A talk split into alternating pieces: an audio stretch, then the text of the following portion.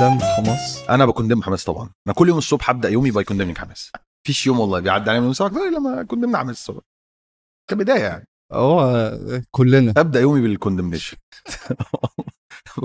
أنت عندك في هارفرد الناس كانت إيه اراها الموضوع؟ آه، انقلبوا تماما طبعا. يعني أعتقد في البداية كانوا آه، مع الصهاينه جدا وبعدين آه، وبعدين شافوا لأول مرة أعتقد في حياتهم مدى. القسوة وما والوجه الحقيقي لإسرائيل. هم إسرائيل خلي بالك بالنسبة لناس كتير لو أنت مش من الشرق الأوسط إسرائيل in theory is a very utopian peaceful prosperous place. أنت بتقول إن في ناس دول تعرضوا لواحدة من أسوأ عمليات القتل الجماعي في التاريخ. فإحنا عملنا لهم دولة وعملنا لهم مكان. في مكان كده لطيف الجو فيه لطيف البحر فيه حلو فاهم الأجواء حلوة.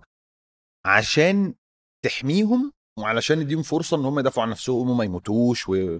ودولة شاطرة فيها شركات شاطرة فيها شركات حلوة ودولة بتطلع انتربرينورز ودولة بتطلع فلو أنت تعرفش أي حاجة خالص أنت هت- هتبقى بتحب الكيان ده جدا تبقى بتتمنى له كل خير.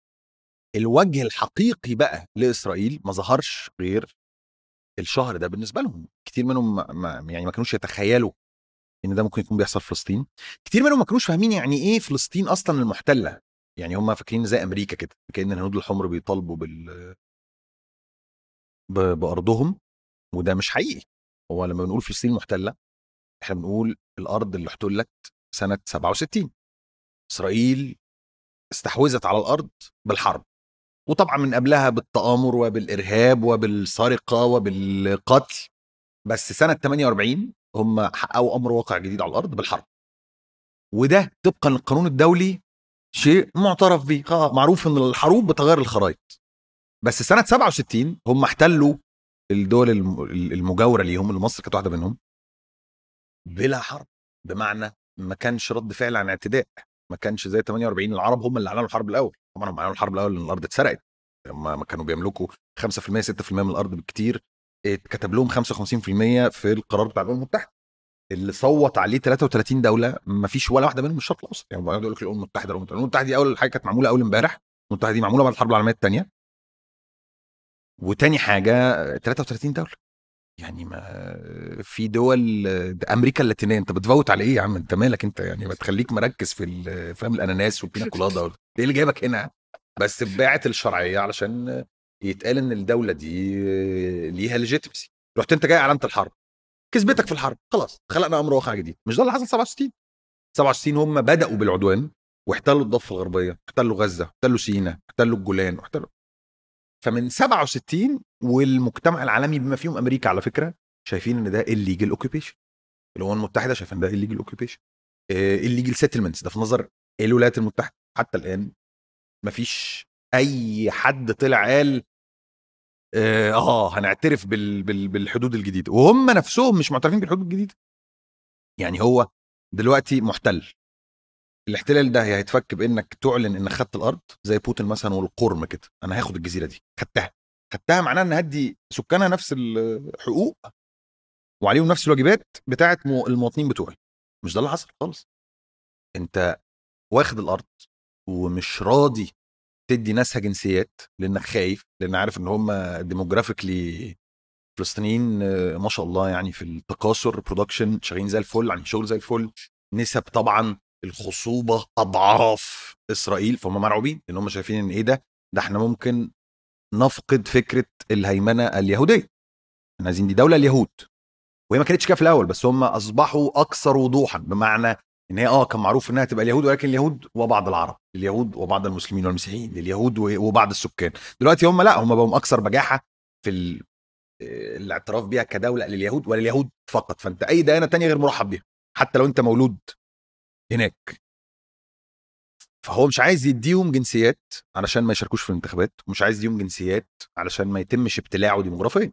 وفي نفس الوقت مش عايز يديهم حكم ذاتي. ما هو نهاية الاحتلال هتبقى يا إما تديهم جنسيات يا إما تديهم أرض حتى لو أرض أصغر من الأرض اللي أنت خدتها. وده أعتقد اللي عامل أكبر أزمة وده اللي وضح للناس في أمريكا وفي الجامعات حول العالم إن ابتدى يبقى في تساؤل يعني إيه احتلال؟ فيتقال آه الاحتلال ده بادي من 67 فالناس تتخض من 67 ده أطول احتلال في العالم النهارده طبعا هم بيحاولوا يجيبوا سيرة الصين ويقولوا إن لا ده الصين خدت التبت في الخمسينات فالصين أقدم. مش حقيقي لأن الصين بقى العكس. الصين زي روسيا كده لو أنا أنا هحتل وهاخد وهحط ايدي وخلاص بقت ارض صيني سواء العالم اعترف أو ما اعترفش. ما هو العالم في جزء كبير منه مش معترف بالاحتلال الروسي مثلا للقرم أو بفكرة الاستحواذ على جزيرة القرم. هم مش عايزين يعملوا ده ومش عايزين يعملوا ده. هم النهارده أطول احتلال في العالم أطول احتلال ممتد وقائم في العالم و... واتحطوا في أزمة فضحتهم. لأن بالنسبة للأمريكان خاصة الأمريكان صغار السن اللي ما تمش بقى كده آه، تربيتهم على ال CNN وال Wall Street Journal والحاجات العظيمة دي بالنسبة لهم بيشوفوا لأول مرة معضلة أخلاقية غريبة بالنسبة لهم بيشوفوا لأول مرة منهم ناس كتيرة جدا على فكرة سود فالسود والأفارقة دول جايين من من من أصول تم قمعها وتم استعبادها. منهم ناس كتير آه، مهاجرين منهم ناس كتير تعرضوا لنوع من أنواع الظلم الاجتماعي خلاهم يلاقوا اللي بيحصل ده كفر باين وياخدوا بالهم إن إحنا بدعمنا لاسرائيل إحنا بندعم احتلال مش بندعم ملاذ آمن لليهود. وده أعتقد التغيير التاريخي اللي بيحصل اليهود النهارده إن إحنا اليهود من أقلية مضطهدة مطاردة مشتتة لآلاف السنين للنهاردة هي آه، الدولة يعني آه، الأكثر لا مبالاة للقانون الدولي وللمنظمات الدولية في العالم. دولة إرهابية يعني كما يقول الكتاب. وأظن دي لو ما شفتهاش قبل كده إن في يهود ياخدوا حاجة زي مثلا ال Central Station في في نيويورك وبرضه عملوا دخلوا كونجرس مبنى من مباني الكونجرس.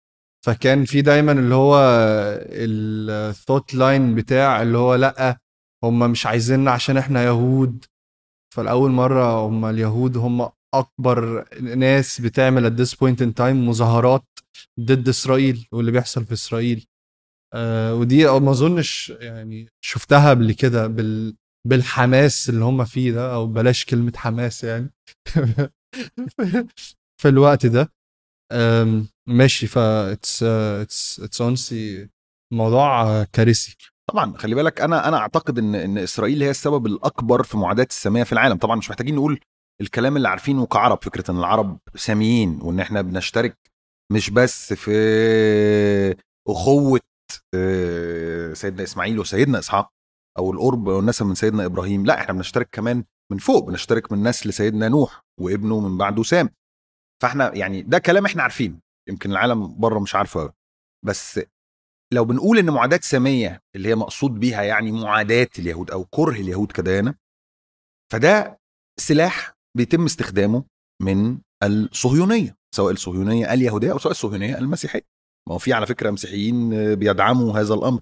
في يهود ضد هذا الأمر. فأنا الخلط بين الصهيونية كمذهب سياسي يدعو إلى إنشاء وطن قومي لليهود في هذه البقعة من الأرض. مختلف تماما عن اليهودية كديانة. اللي بيعمل الخلط ده هو إسرائيل. واللي بيعمل الخلط ده هو الصهاينه إسرائيل هي اللي بتقول إحنا دولة يهودية والاسرائيل بترتكب أشد وأفظع المجازر وفي نفس الوقت بإيد وبترفع راية اليهودية بإيد تانية علشان تبيع للعالم إن إحنا بنحمي اليهود. بينما في الحقيقة الضرر الأكبر الواقع على اليهود في العالم سببه إسرائيل. لأن إسرائيل أكتر دولة في العالم بتسيء لليهودية لأن هي بتحاول تبيع للعالم النهارده إن كل القصف وقتل الأطفال ده إحنا بنعمله علشان نحمي هذا الدين. الدين ده اللي بالمناسبة إحنا كعرب بنعترف بيه وبنحترمه وبنقول على موسى سيدنا موسى. وسيدنا موسى ده بالمناسبة كان مصري يعني. هم دايما بيفتكروا لنا إن فرعون كان مصري إن المصريين بهدلونا وكانوا بيضربونا بالكرابيج. وبينسوا إن بالمناسبة ما هو سيدنا موسى ده على فكرة يعني كان مصري. سيدنا يعقوب ده جه هو وأبنائه مصر. يعني طبعا تفاصيل ممكن ناس كتير ما يبقوش عارفينها بس هم عارفينها. اليهود عارفينها بشكل واضح. ف conflating أو أو إن إحنا نخلط المعايير ونقول إن كل إن اليهودية والصهيونية وجهان لعملة واحدة ده شيء بيضر باليهودية وده شيء بيضر باليهود. فبتشوف بقى النهارده المظاهرات اللي أنت اتكلمت عليها دي لها منظمة اسمها Jewish Voice for Peace ودول أنا أعتقد إن هم أشجع منظمة في العالم. يعني أنا مؤمن جدا بال- بالمقولة بتاعت هاري بوتر فكرة إنه يعني الموضوع بيتطلب الشجاعة دي أوقات بتبقى إن أنت يعني تقف في وجه أعدائك الشجاعة الأكبر بتبقى إن أنت تقف في وجه أصدقائك. فان يبقى في مجموعة يهودية النهارده بعد اللي شافوه يوم 7 أكتوبر طالعين بيقولوا لا إحنا ضد ارتكاب مجازر باسم اليهودية not in our name not in our name ده أحد ال- الهتافات يعني كانوا بيقولوها. ده شيء في منتهى الروعة في منتهى الجمال بيقول إن الحقيقة في أمل للسلام. ولكن طبعا هذا السلام محتاج عدل ومفيش عدل تحت احتلال. فبتشوف إن هي العملية ممكنة إن النهارده في مظاهرات زي المظاهرة اللي عملوها سواء في الكونجرس سواء في محطات القطارات سواء في يعني هم شغالين عاملين شغل ممتاز ومكملين. بتشوف إن في أديان مختلفة ده ده ده, ده في ناس بلا أديان خالص واقفين. ليه؟ لأن إحنا عندنا هدف واحد وهو وقف المجزرة الحالية. وتسأل نفسك بقى هل يا ترى النهارده اللي بيضر اليهودية أو اللي بيؤدي لمعاداة رساميه بتعريفها الصهيوني وليس بتعريفها اللي إحنا قلنا عليه هل دول اللي بيضروا ولا هل دول اللي بيضر يعني اللي بيرمي القنبلة هو اللي بيضر ولا اللي بينزل يتظاهر ويقول كفاية قتل؟ أنا في رأيي إن لو أنا ما أعرفش حاجة عن اليهودية وشفت مظاهرة زي دي أنا ممكن اامن بهذا الادعاء امن بيها فورا. يعني ده لو أنا راجل أنا ما سمعتش حاجة عن الاديان خالص وشفت ده لأني هشوف إن في منتهى الشجاعة إن هم واقفين بيعملوا اللي هم بيعملوه. ولذلك أنا أنا شايف إن الكارت ده بيتحرق. كارت خلط الصهيونية أو أو أو weaponizing antisemitism استخدامها كسلاح تجاه كل من يعترض أو ينتقد إسرائيل ده كارت بيتحرق النهارده. كان ينفع قبل ما العالم يشوف هما بيعملوا إيه في فلسطين قبل ما العالم يفوق إن إحنا عندنا احتلال احتلال بنتكلم أهو داخلين على 50 سنة أو أكتر وما زلنا بن بنبرره أو أو تعودنا عليه أو نسيناه أو ما كناش فاهمينه. الكارت ده مش هينفع خالص الفترة اللي جاية. 100% وفي حتة برضو اللي هو ما هو زمان كانت ال- ال- الإعلام بيجي من مكان موحد اللي هو مثلا الجورنال. دلوقتي لا يعني هو التكنولوجيا أنا عندي تويتر أقدر آه، أحط آرائي أخش على الإنستجرام آه، وأكتب آرائي مع إن في اللي هو ال shadow banning وإلى آخره. بس لسه في حتة إن الواحد ممكن يقول صوته وممكن يطلع ويقول مهما كانت آه، مهما حاولوا إن هم يبقوا ضد إن إحنا نعمل كده الواحد بيحاول إن هو يطلع. فالسلاح بتاعهم كل شوية بيقل لأن الناريتيف مش مش موحدة من جورنال. أنا عندي نظرية هنا إنه إحنا الفترة اللي فاتت هم كان سبب قوتهم إن هم موجودين في مراكز وعواصم القوة في العالم. وده الميزة اللي طلعوا بيها من يعني قرون من الشتات. بقوا جامدين بقوا عندهم شبكة قوية جدا بقوا عندهم قدرة على التأثير في الأماكن اللي إيه حيث يدار منها العالم يعني. موجودين في أمريكا موجودين في لندن موجودين في باريس مو... وعارفين يبقى ليهم كلمة مسموعة لأن هم ناجحين ولأن هم شطار ولأن هم مؤثرين في المجتمع اللي هم فيه. النهارده ده بيحصل للعرب لأول مرة في التاريخ. العربي وده رأي شخصي يعني غير مبني على أي دراسات بحس إن إحنا مرتبطين كده بالمكان نحب كده القعدة الحلوة فالقعدة الحلوة ما تعوضش حتى ده بيبان في الأمثلة أو في في التعبيرات الدارجه الصعوبات الاقتصادية والسياسية وفترات عدم الاستقرار اللي شافتها المنطقة لو قلنا ال 20 30 40 سنة اللي فاتوا يعني خلت هناك أجيال جديدة من المهاجرين وأبناء المهاجرين وأبناء أبناء المهاجرين أجيال أولى وأجيال تانية وأجيال ثالثه بقت موجودة النهارده في هذه العواصم. ما هو ده؟ ده زي الدولة الرومانية كده. المحتل بيغزو. وما بيبقاش عامل حسابه الهجرة اللي هتجيله بعد كده. فأنت أنت بتغزو أفريقيا. ما هيجي لك الافارقه بتغزو الشرق فهيجي لك الشرق الاوسط طبعا ده أنا بتكلم على عبر عقود تاريخية يعني. النهارده لما تشوف المظاهرات اللي في لندن لما تشوف المظاهرات اللي في أمريكا لما تشوف المظاهرات اللي في فرنسا تشوف المظاهرات اللي في برلين لما تشوف ما كنتش تتخيل ابدا إن أنت المظاهرات دي تبقى موجودة من 50 سنة. بس النهارده بقى ليك ثقل النهارده بقى ليك صوت. هل هو صوت بهذه الدرجة من التأثير؟ لا. ليس يعني نوت يت ليس بعد. بس هو جاي جاي لا محالة لأن إحنا تاني الله ينور كويسين جدا في التكاثر كويسين جدا في ال reproduction قنبلة موقوتة ديموغرافيا. فأنا أعتقد إن كمان 10 20 50 سنة آه لا هنبقى لينا رأي مؤثر. وهيبقى العرب في الخارج ليهم كلمة لأن العرب في الخارج هيبقوا بيأثروا على الانتخابات. زي أما النهارده ال- اليهود في الخارج لهم كلمة إنهم بيأثروا على الانتخابات يا إما بالتصويت يا إما بالتمويل. إحنا هنبقى كده. فأنا شايف إن ده تغيير إيجابي. وتغيير برضو كان غير محسوب. إحنا أجبرنا على السفر وعن طريق السفر ده بقينا صوت للي ما سافروش. عن طريق السفر ده بقينا صوت للقضية. وده باين في بعض الإحصائيات يعني بعض الأرقام بتقول إنه لو قلنا I stand with Palestine أو I stand with Israel على تيك توك هتلاقي إن I stand with Israel حوالي 350 مليون تفاعل. I stand with Palestine 4 مليار. مفيش مقارنة. طبعا السوشيال ميديا لا تعكس وضع المجتمع ككل هي برضو فئة عمرية محددة هي ب... بس في حد ذاته ده ما كناش نحلم بربعه من خمس سنين مش مش من عشر سنين. ففي تغيير على الأرض في تغيير على الأرض. والتغيير الأكبر هيحصل لما كل واحد فينا يبقى شاطر في مجاله ويبقى شاطر في حتته عشان يعرف يوصل هذا الصوت. لأنك تفاجئ إن جزء كبير من الدعم الأمريكي عن جهل وليس عن تآمر.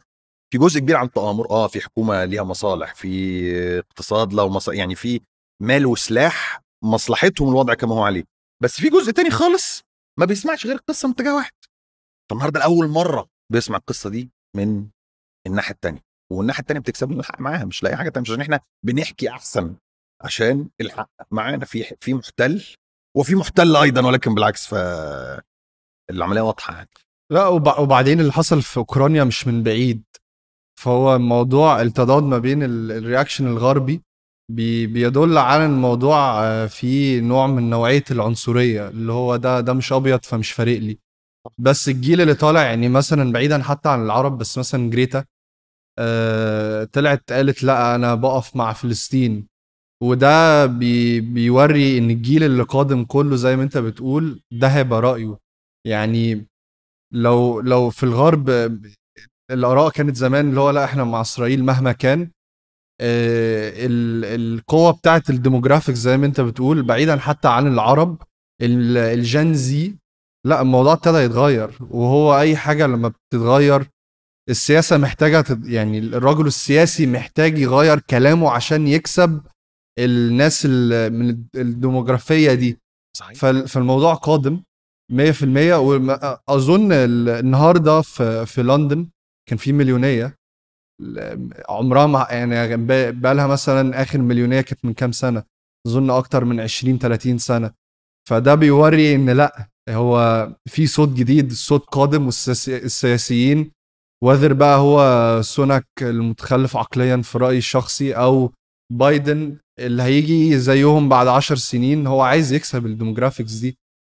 فهو هي هي مسألة وقت يعني. طبعا عشان كده أنا متفائل جدا. أنا شايف إن حصل انتصار لفلسطين. فلسطين انتصرت أو فلسطين بتنتصر. بتنتصر في خلال سنة بتنتصر في خلال 100 بتنتصر في خلال 1000 أنا شايفنا انتصار. إن النهارده يبقى في مظاهرات في عواصم العالم لفلسطين ده شيء ما كانش حد يحلم بيه يعني.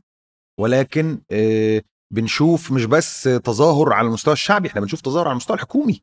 إحنا بنشوف إن في حملة استقالات في وزارة الخارجية الأمريكية. إحنا بنشوف في مقال في ال Foreign Policy بيتكلم إن في dissent is brewing إن في حالة غليان لأن الناس مش مصدقة إن وزارة الخارجية اللي هي المفروض دبلوماسية المفروض ده أرقى علامات تحضر الشعوب إن إحنا بنحل مشاكلنا بالكلام. هي دي وظيفة وزارة الخارجية نتوسط عشان ما يبقى يعني وزارة الخارجية بتشتغل عشان وزارة الدفاع ما تشتغلش. ومع ذلك شايفين وزارة الخارجية بتدي كارت أبيض وبتقول في ناس متضايقة جدا. هل كنا نحلم بده؟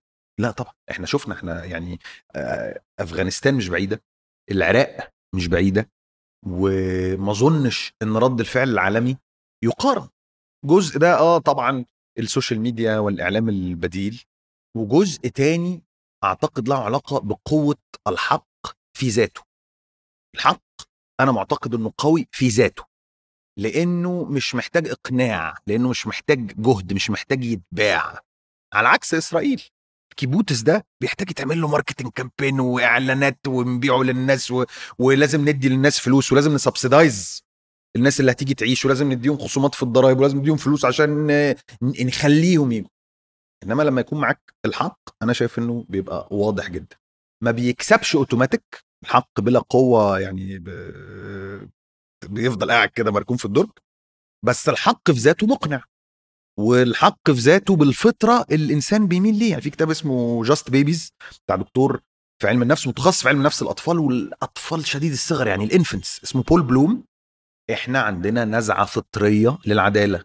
الإنسان بيتولد كده لا اتعلم لغة ولا دين ولا أخلاق ولا شاف حاجة خالص. يعني بنتكلم على سن ست شهور على سن سنة ممكن بعضهم ما اتكلمش حتى.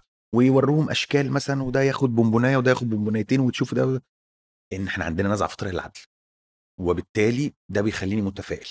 هو بس بيبقى محتاج شوية جهد في التوعية بيه وشوية جهد وقوة لأخذه واسترداده. بس في حد ذاته قوي جدا لأن أي حد بيشوف اللي بيحصل النهارده ما بيحتاجش إقناع. خلاص. فعشان كده أنا شايف إن إسرائيل بتخسر التعاطف العالمي إسرائيل بتخسر هيمنتها على السردية أو على القصة. هم بيكنترولوا وبيدومينيتوا وبيمونوبلايز الناراتيف. بقالهم عقود. ده ما بيحصلش النهارده. وزي ما بقى ليهم تواجد دولي بقى لينا إحنا كمان تواجد دولي. فالأرض بتتغير. 100% انت كنت بتتكلم على إن من سبب نجاح الصهاينة إن هم في العواصم موجودين و... وناجحين في الشغل بتاعهم. انت ما كنتش في في عواصم أمريكا بس كنت في Boston آه، بتعمل ال MBA بتاعك هناك.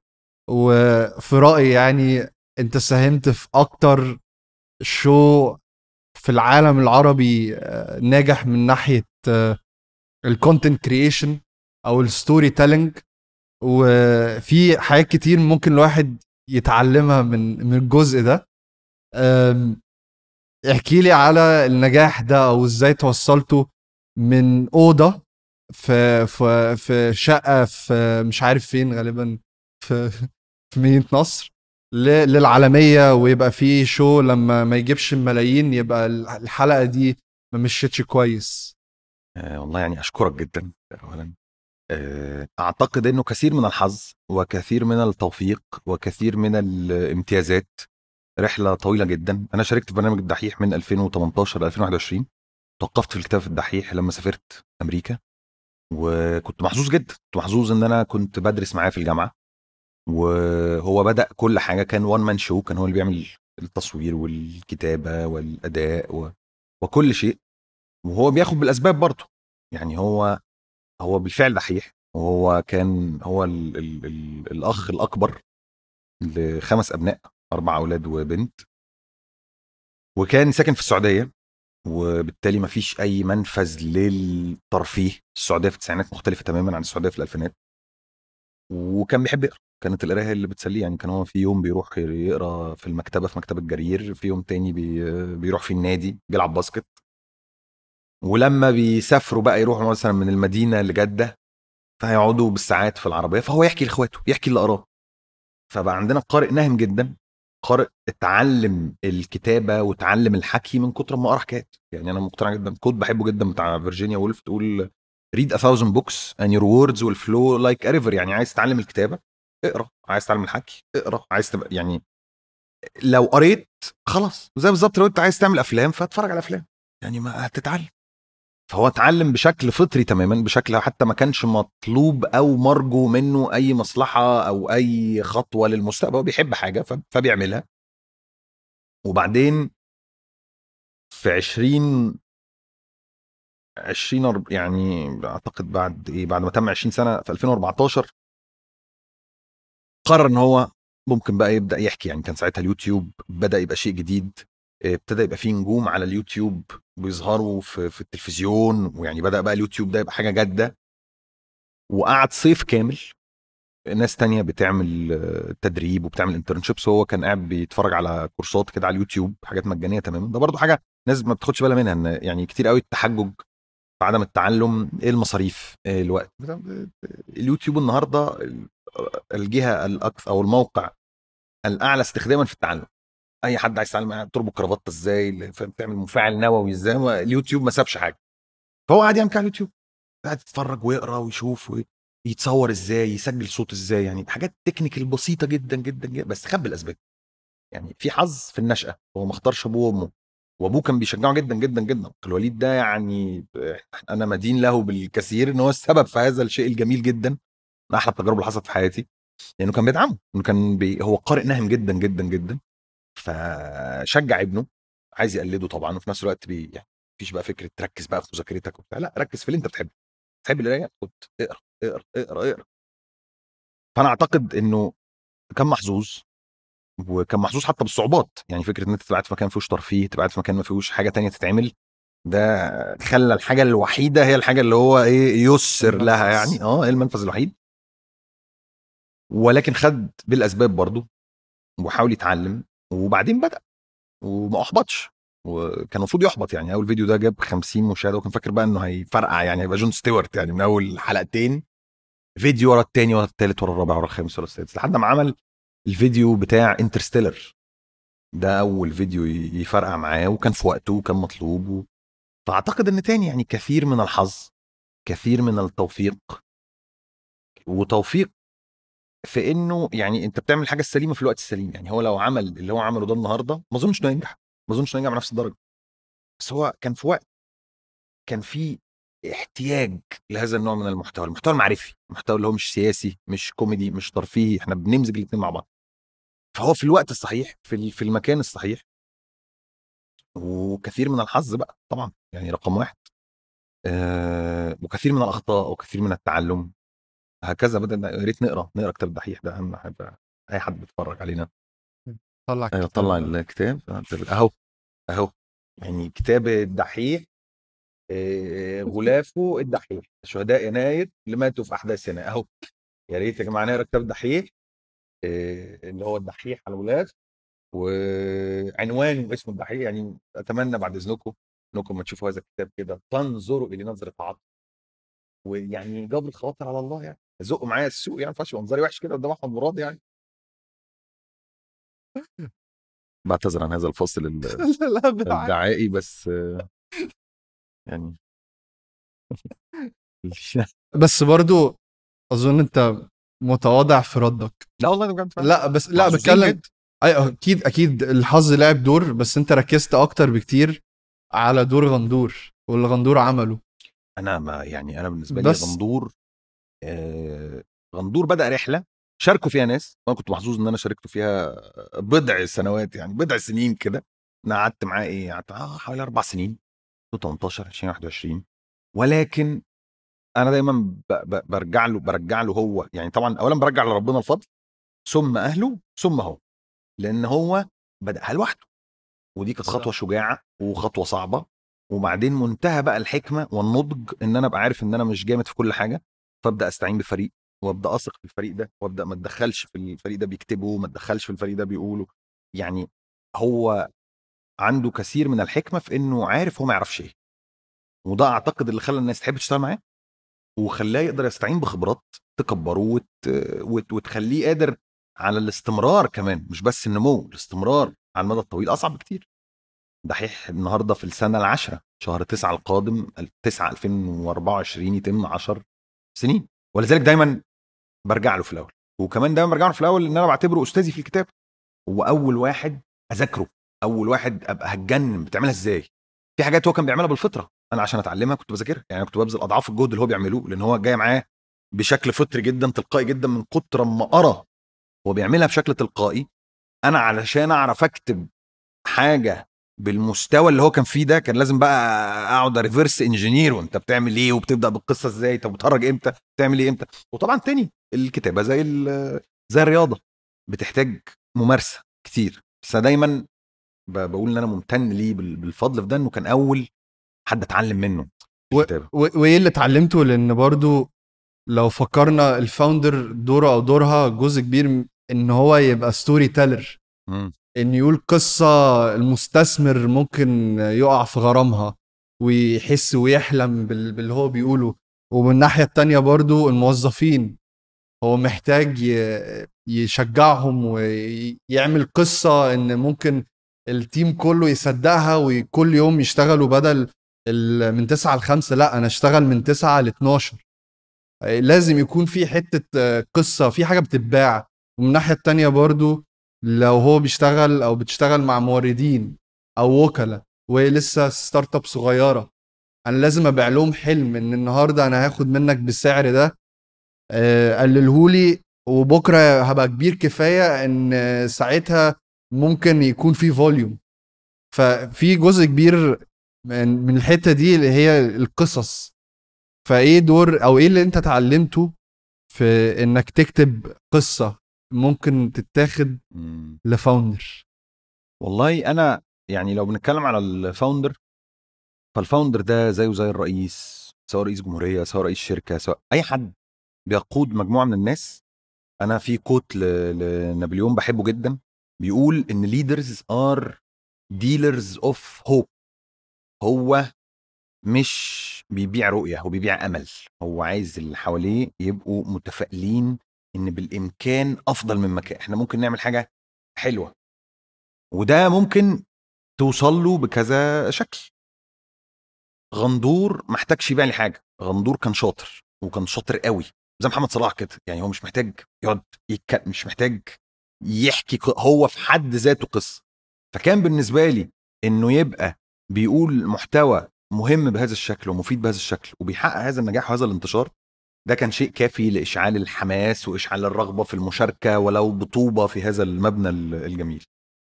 بس أول حاجة اتعلمتها منه هي إن story is king هي ال- القصة هي أهم حاجة. والقصة لو جينا نبص خارج بقى الدحيح خارج أي حاجة هي أقدم وسيلة ترفيه في التاريخ. قبل المسرح قبل أي قبل الكتابة. قبل اختراع الكتابة. الكتابة دي على فكرة ما كانتش يعني الناس ما كانوش literate منذ يعني بني آدمين ما ما نزلوش كده بيعرفوا يكتبوا وي- ويقروا. دي كانت وسيلة في ال communication لما العدد زاد. في الأول وإحنا قاعدين في الكهف كده في القبيلة كانت يعني ممكن إيه تخلص بالحكي. إحنا بنحكي فبنتسلى قاعدين كده بنشوي ذره أو بنحكي فبنتعلم. فكانت أغلب المعرفة الإنسانية محكية في الأصل. الديانات في البداية كانت قصص. يعني في في القرآن حتى نحن نقص عليك أحسن القصص. الإنجيل قصص كل حاجة مطلوبة إنك تفتكرها وتتعلم منها وتأثر فيك فتغير سلوكك قصة. رغم إن هو يعني لو بنتكلم في في, في إيه الحاجات الجد في الدنيا فما فيش حاجة جد أكتر من الدين. كان ممكن ينزل bullet points يعني كان ممكن أي ديانة تبقى افعل ولا تفعل وخلاص وخلصنا. بس هو القصص statistically بتفتكرها أكتر تسترجعها أكتر وكمان بتحس إحنا برضو إحنا بننسى إن المشاعر هي اللي سايقة. إحنا بنفتكر إن العقل هو اللي سايق والمشاعر بتأثر عليه. وفي الحقيقة المشاعر هي اللي سايقة طول الوقت والعقل بيحاول إيه بس يعني يوجه أو يرشد أو يفرمل أو يرفع ال hand brake لما تبقى داخل على بلوة. بس في الأصل علشان أحرك مشاعري مش هتتحرك غير بقصة. فأنا القصة بت educate وبت entertain بتعمل emotional resonance بتخليني أحط نفسي مكان الشخص. ال emotional resonance ده ال resonance ده فكرة إن يعني لو كأني أنا بلعب على وتر في المزيكا وفي إزاز فالإزاز بيتهز. الإزاز بيتهز لأنه وصل لنفس ال frequency بتاعت الصوت. فده اللي بيحصل لك لما تسمع قصة. أنت أنت بعيد خالص عن اللي بيحصل بس أنت اتأثرت قوي باللي حصل. حطيت نفسك مكان الشخص ده فالشعور حالة ال excitement دي وحالة التأثر الشديدة دي ال empathy العالية جدا دي دي اللي هتخليك تغير يا في سلوك يا تغير في فكر يا تغير في وجهة نظر تغير في رؤية للعالم. فالتغيير في الحقيقة بيجي بالعواطف والعواطف بتيجي بالحكايات. التغيير ما بيجيش بالاقتناع. ما كان- ما كانش حد غلب. التغيير بيجي لما الناس تحس الشعور فدي عبقرية القصص إنها بتجمع الثلاث حاجات دول. ودي عبقريتها التجربه الإنسانية في النهاية واحدة. هي أكتر حاجة بتخلينا ن relate لبعض وننقل تجارب. ده أنا اتعلمته من أحمد وهو كان بيعمله بشيء فطري بشكل فطري جدا. لأني قارنت أحمد ما كانش أول واحد. يعني زي أوبر كده ما كانوش أول ناس في ال ride hailing خالص بس كانوا أشطر ناس. هم عملوها أول ناس يعملوها بشكل أشطر ناس برضه. بس غيره كانوا فاكرين إن كلمة السر في حتة التعلم أو في حتة المعرفة. حط معلومات.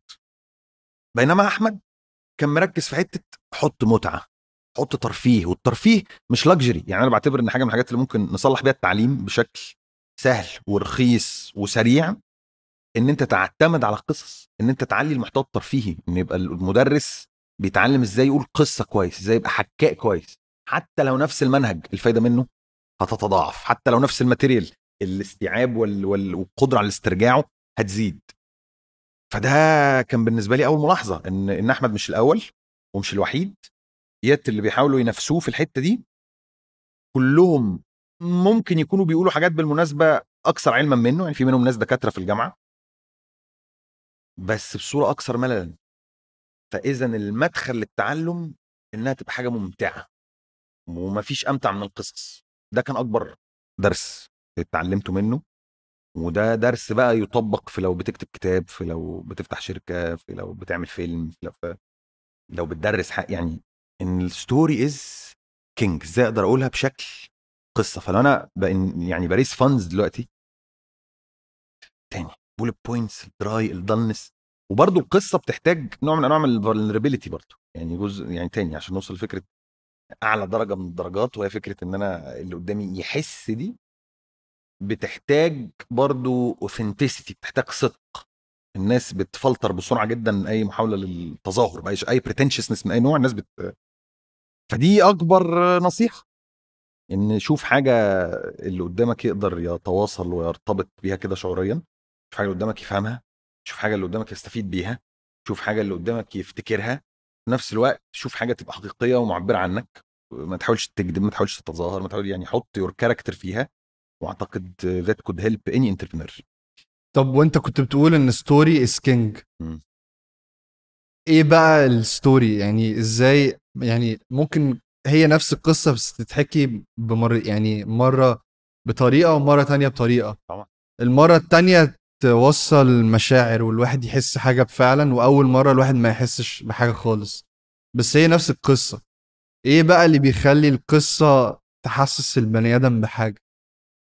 والله القصص الحلوة عادة بيبقى فيها خط قصصي يعني كلمة قصة من تقصي الأثر من القص. قص ده القصاص. القصاص دي ممكن تبقى الحكاء وممكن تبقى شخص اللي إيه كان بيمشي في الصحراء كده يشوف القوافل ماشية إزاي. ده معناه إيه؟ معناه يبقى في line تسلسل في الاحداث في خط.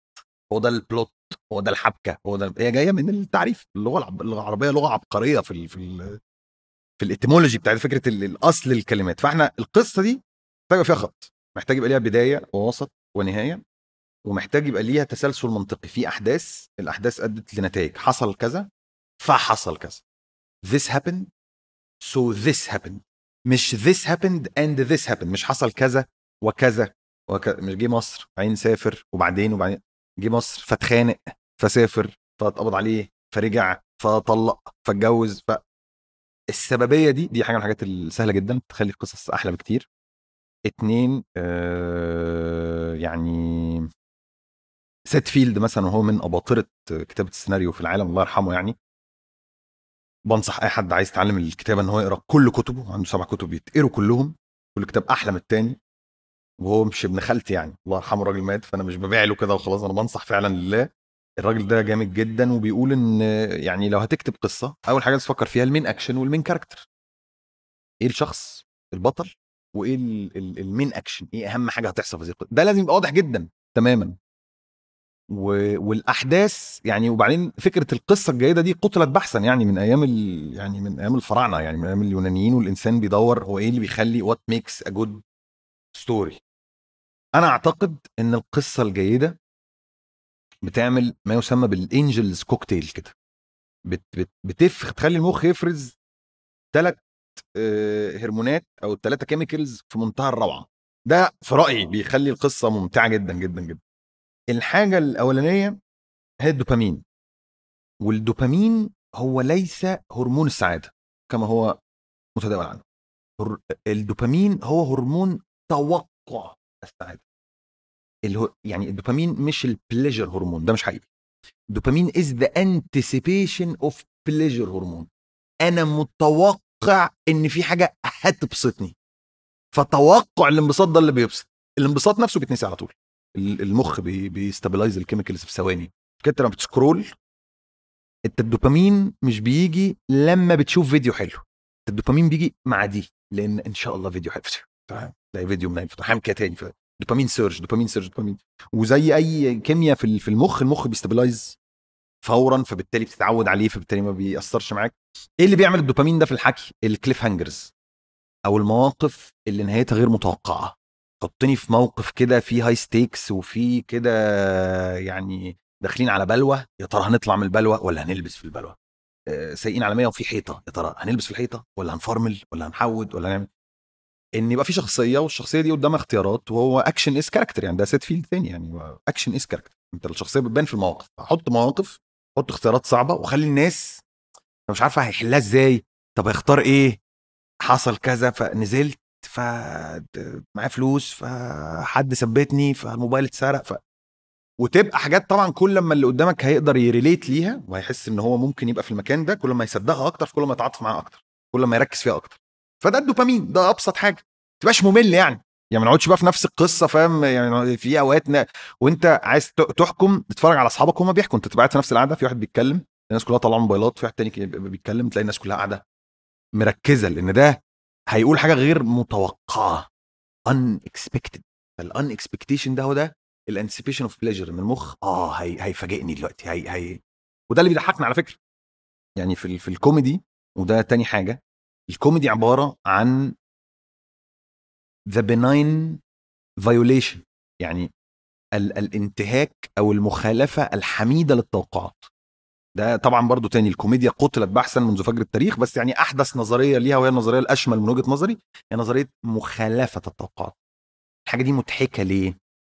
لأنه قال حاجة أنا مش متوقعها أو حصلت حاجة أنا مش متوقعها بس هي لازم تبقى حاجة حميدة. يعني يعني مثلا آه، حد مثلا رايح المدرسة فبدل ما يلبس ال uniform لبس مثلا تيشيرت محمد صلاح. ممكن تبقى حاجة مضحكة. لو ليها backstory أو لا. بس مثلا حد في جنازة أو في دفنة. فلبس تيشيرت الكورة أو واحدة مثلا بدل ما تلبس أسود راحت لابسة تيشيرت مو صلاح. ما أظنش إنها تبقى مضحكة قوي على حسب طبعا أنت هتبيع إزاي وتعمل setup إزاي؟ بس تبقى مخالفة حميدة يعني. واحد اتزحلق على موزة فوقع وهدومه بلت. غير واحد اتزحلق على موزة على موزة فوقع كسرت رقبته أو فوقع ضلوعه دغدغت. طبعا إحنا بنضحك دلوقتي عادي الموضوع مضحك جدا. مش مشكلة يعني. بنرحمه بس يعني. ال benign ال benign violation of expectation يعني مش هضحك لو حد فاهم آه، اتضرب بالنار. بس هضحك لو حد مثلا اتضرب على قفاه يعني. فالكوميديا بتعمل تاني حاجة. الكوميديا بت بتطلع endorphins وال endorphins دي مخدرات الحلال. الاندورفنز دي بت بتخلينا نضحك وبتعمل relief كده لل tension و... وبتخلينا مركزين وبتخلينا نشوف اللي بيضحكنا إنه أذكى. إحنا بن بن بنميل إن إحنا اللي بيضحكونا. نظن إن هم أذكى ونظن إن هم أكثر يعني صلاحيه وكفاءة لتولي مناصب القيادة القيادة. فالحقيقة الناس الكئيبة قوي في في, في الشغل في ناس كده عدوة الفرحة في الشغل أنا serious أنا professional ده اغلب ظن مش هيترقى خالص واغلب ظن ما حدش هيحب يشتغل معاه.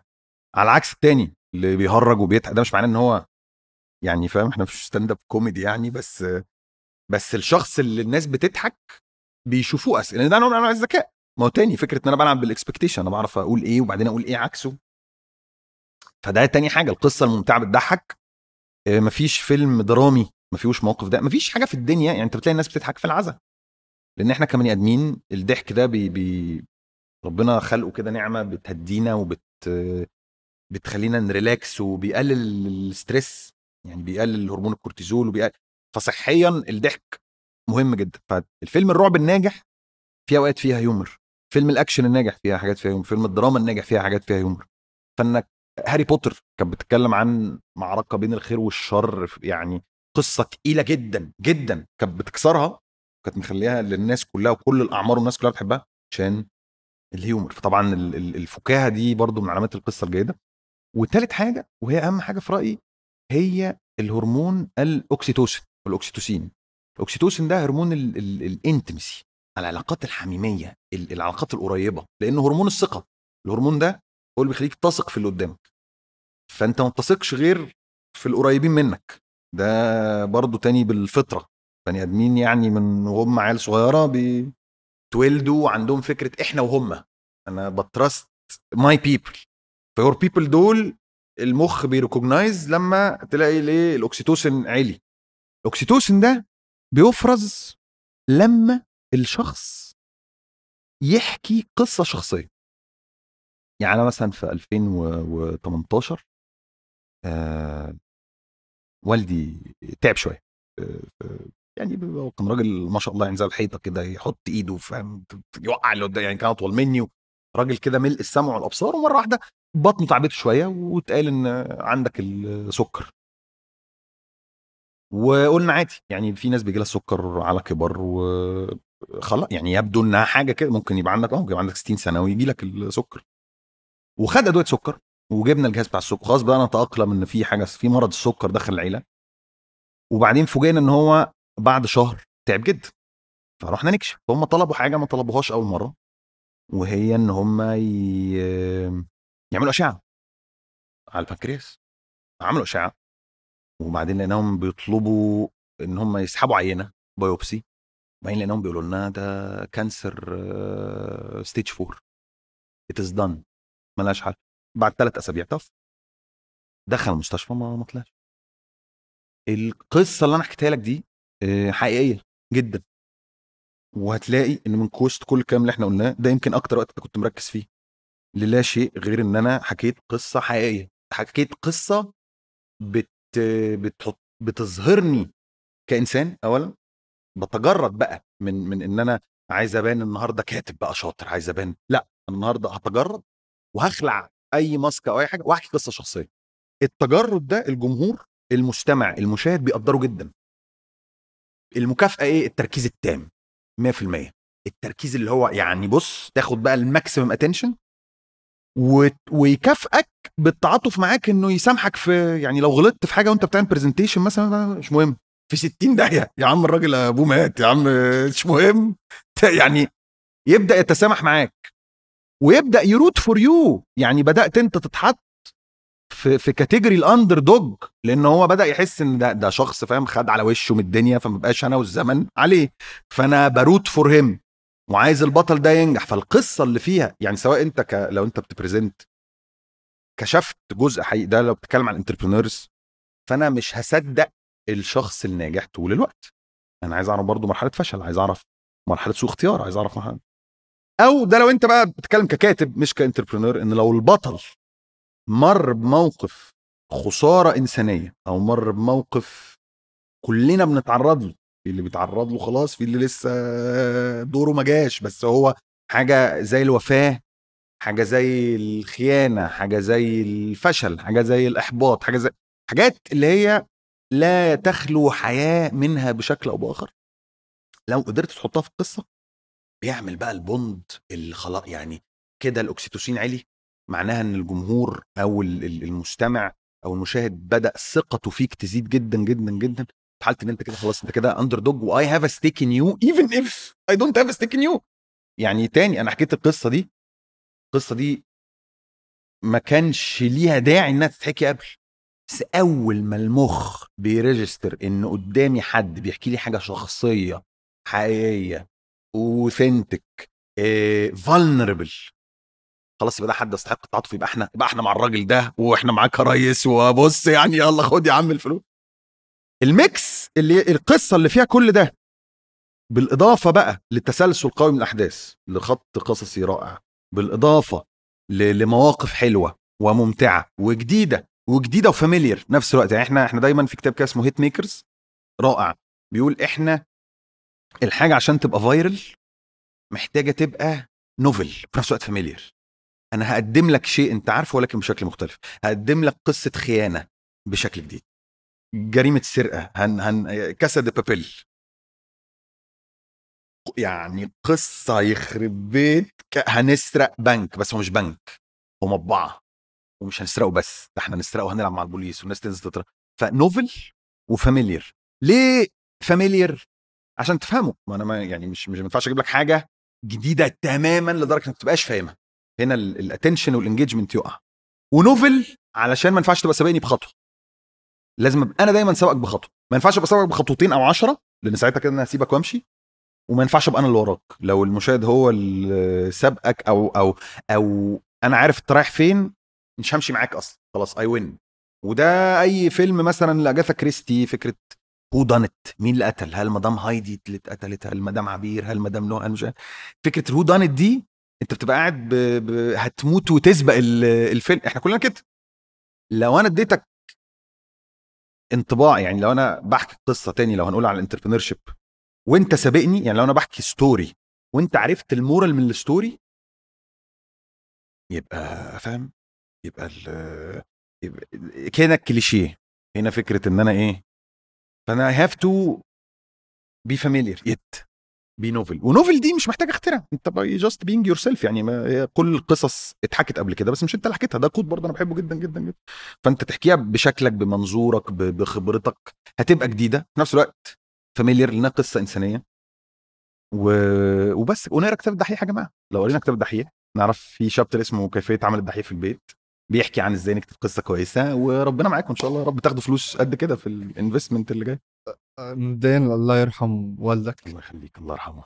أنا بحب أذكره عشان نترحم عليه. أشكرك. الله يرحمه. ونرجع طيب.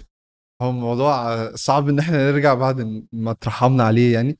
بس لو لو هنرجع للدحيح والفورميلا اللي أنت قلت عليها دي إيه في الحلقة اللي بتوصل حاجة من الحاجات دي. يعني هل مثلا من اللي أنت قلته حسيت إن لما بيخاطب المشاهد ويقول له اخبط مش عارفة إيه مش عارفة المصادر وبيتكلم معاه راجل لراجل أو واحد لواحد ده بيحسس المشاهد بحتة ال intimacy إيه إيه الأجزاء؟ ده رأيي يعني ممكن أبقى غلط. قول لي لو أنا غلط. ال formulation داخل إزاي في حالة الدحيح بقى. والله المشاهد مضحوك عليه. أنا المشاهد صعبان عليا. المشاهد مضحوك عليه لأن المشاهد عرضة لما يسمى بال بال parasocial relationship المشاهد فاكر إنه يعرف الدحيح. هو ما يعرفوش هو بيتفرج عليه. بس هو زي Friends كده. هو ال... ده بقى جزء بيجي ده ده البونس بقى اللي بتاخده مع الاستمرارية. مع الاستمرارية بيحصل حاجتين. بيحصل حاجة اسمها exposure effect بشوفك كتير زي عمرو دياب. عمرو دياب انت بتسمعه لأول مرة ما بيعجبكش الشريط. تسمعه بعد 20 مرة بتعجبك الأغنية جدا ما بطلش ما بطلهاش فال exposure effect ده مهم جدا جدا جدا. ده ميزة بقى الاستمرارية لأي حد.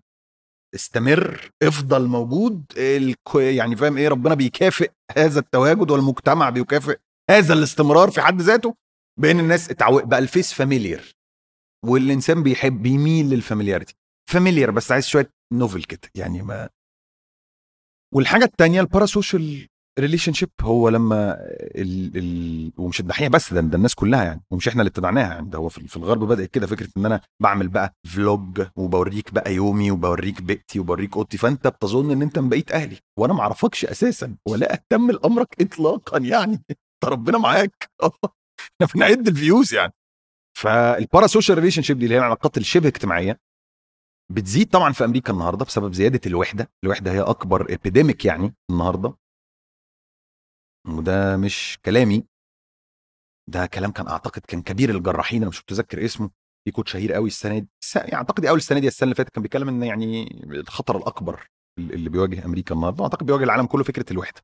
إن إحنا very connected بس very disconnected فمع الوحدة لما بيلاقوا حد بيكلمهم كده وبيشوفوه كتير وبيسمعوه كتير بيحصل زي ما أنت شفت Friends مثلا. Friends الناس عياطت عياط يعني لما Friends خلصت. ليه؟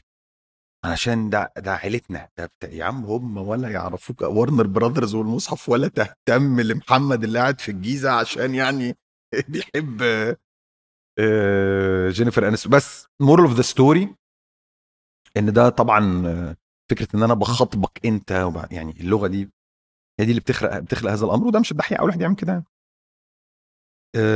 الفورميلا ما بتبقاش دايما فورميلا خالص وما بتتعملش دايما بهذا الشكل الواعي ده كلام نظري. في بعض القصص بتبقى اليق على حاجات وحاجات لأ يعني مثلا من الحلقات اللي أنا بحبها جدا. أنا أول حلقة اكتبها للدحيح كانت هتلر. وبعدين بعد شهور عملنا هتلر 2 بعد شهور تانية عملنا الحرب العالمية الثانية دي كانت أول حلقة. من أكتر الحلقات اللي أنا بحبها. لأن ما بحبها والله أنا بحب فعلا الحرب العالمية الثانية أعمل إيه طيب؟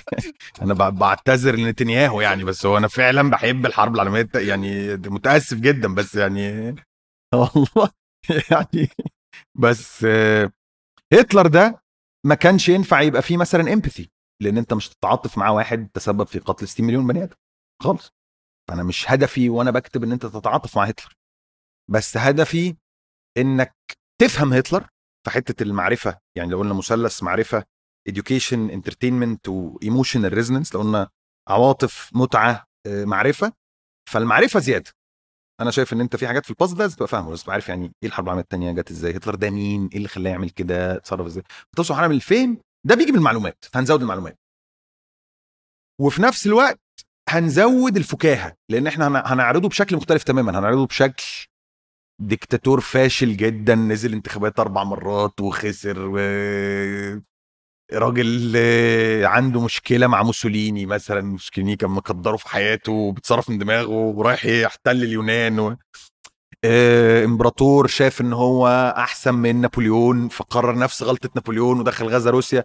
فده ال violation of expectation هنا كان رائع لأن هو الناس كلها متوقعة إن هتلر هيتم تقديمه بشكل جاد جدا.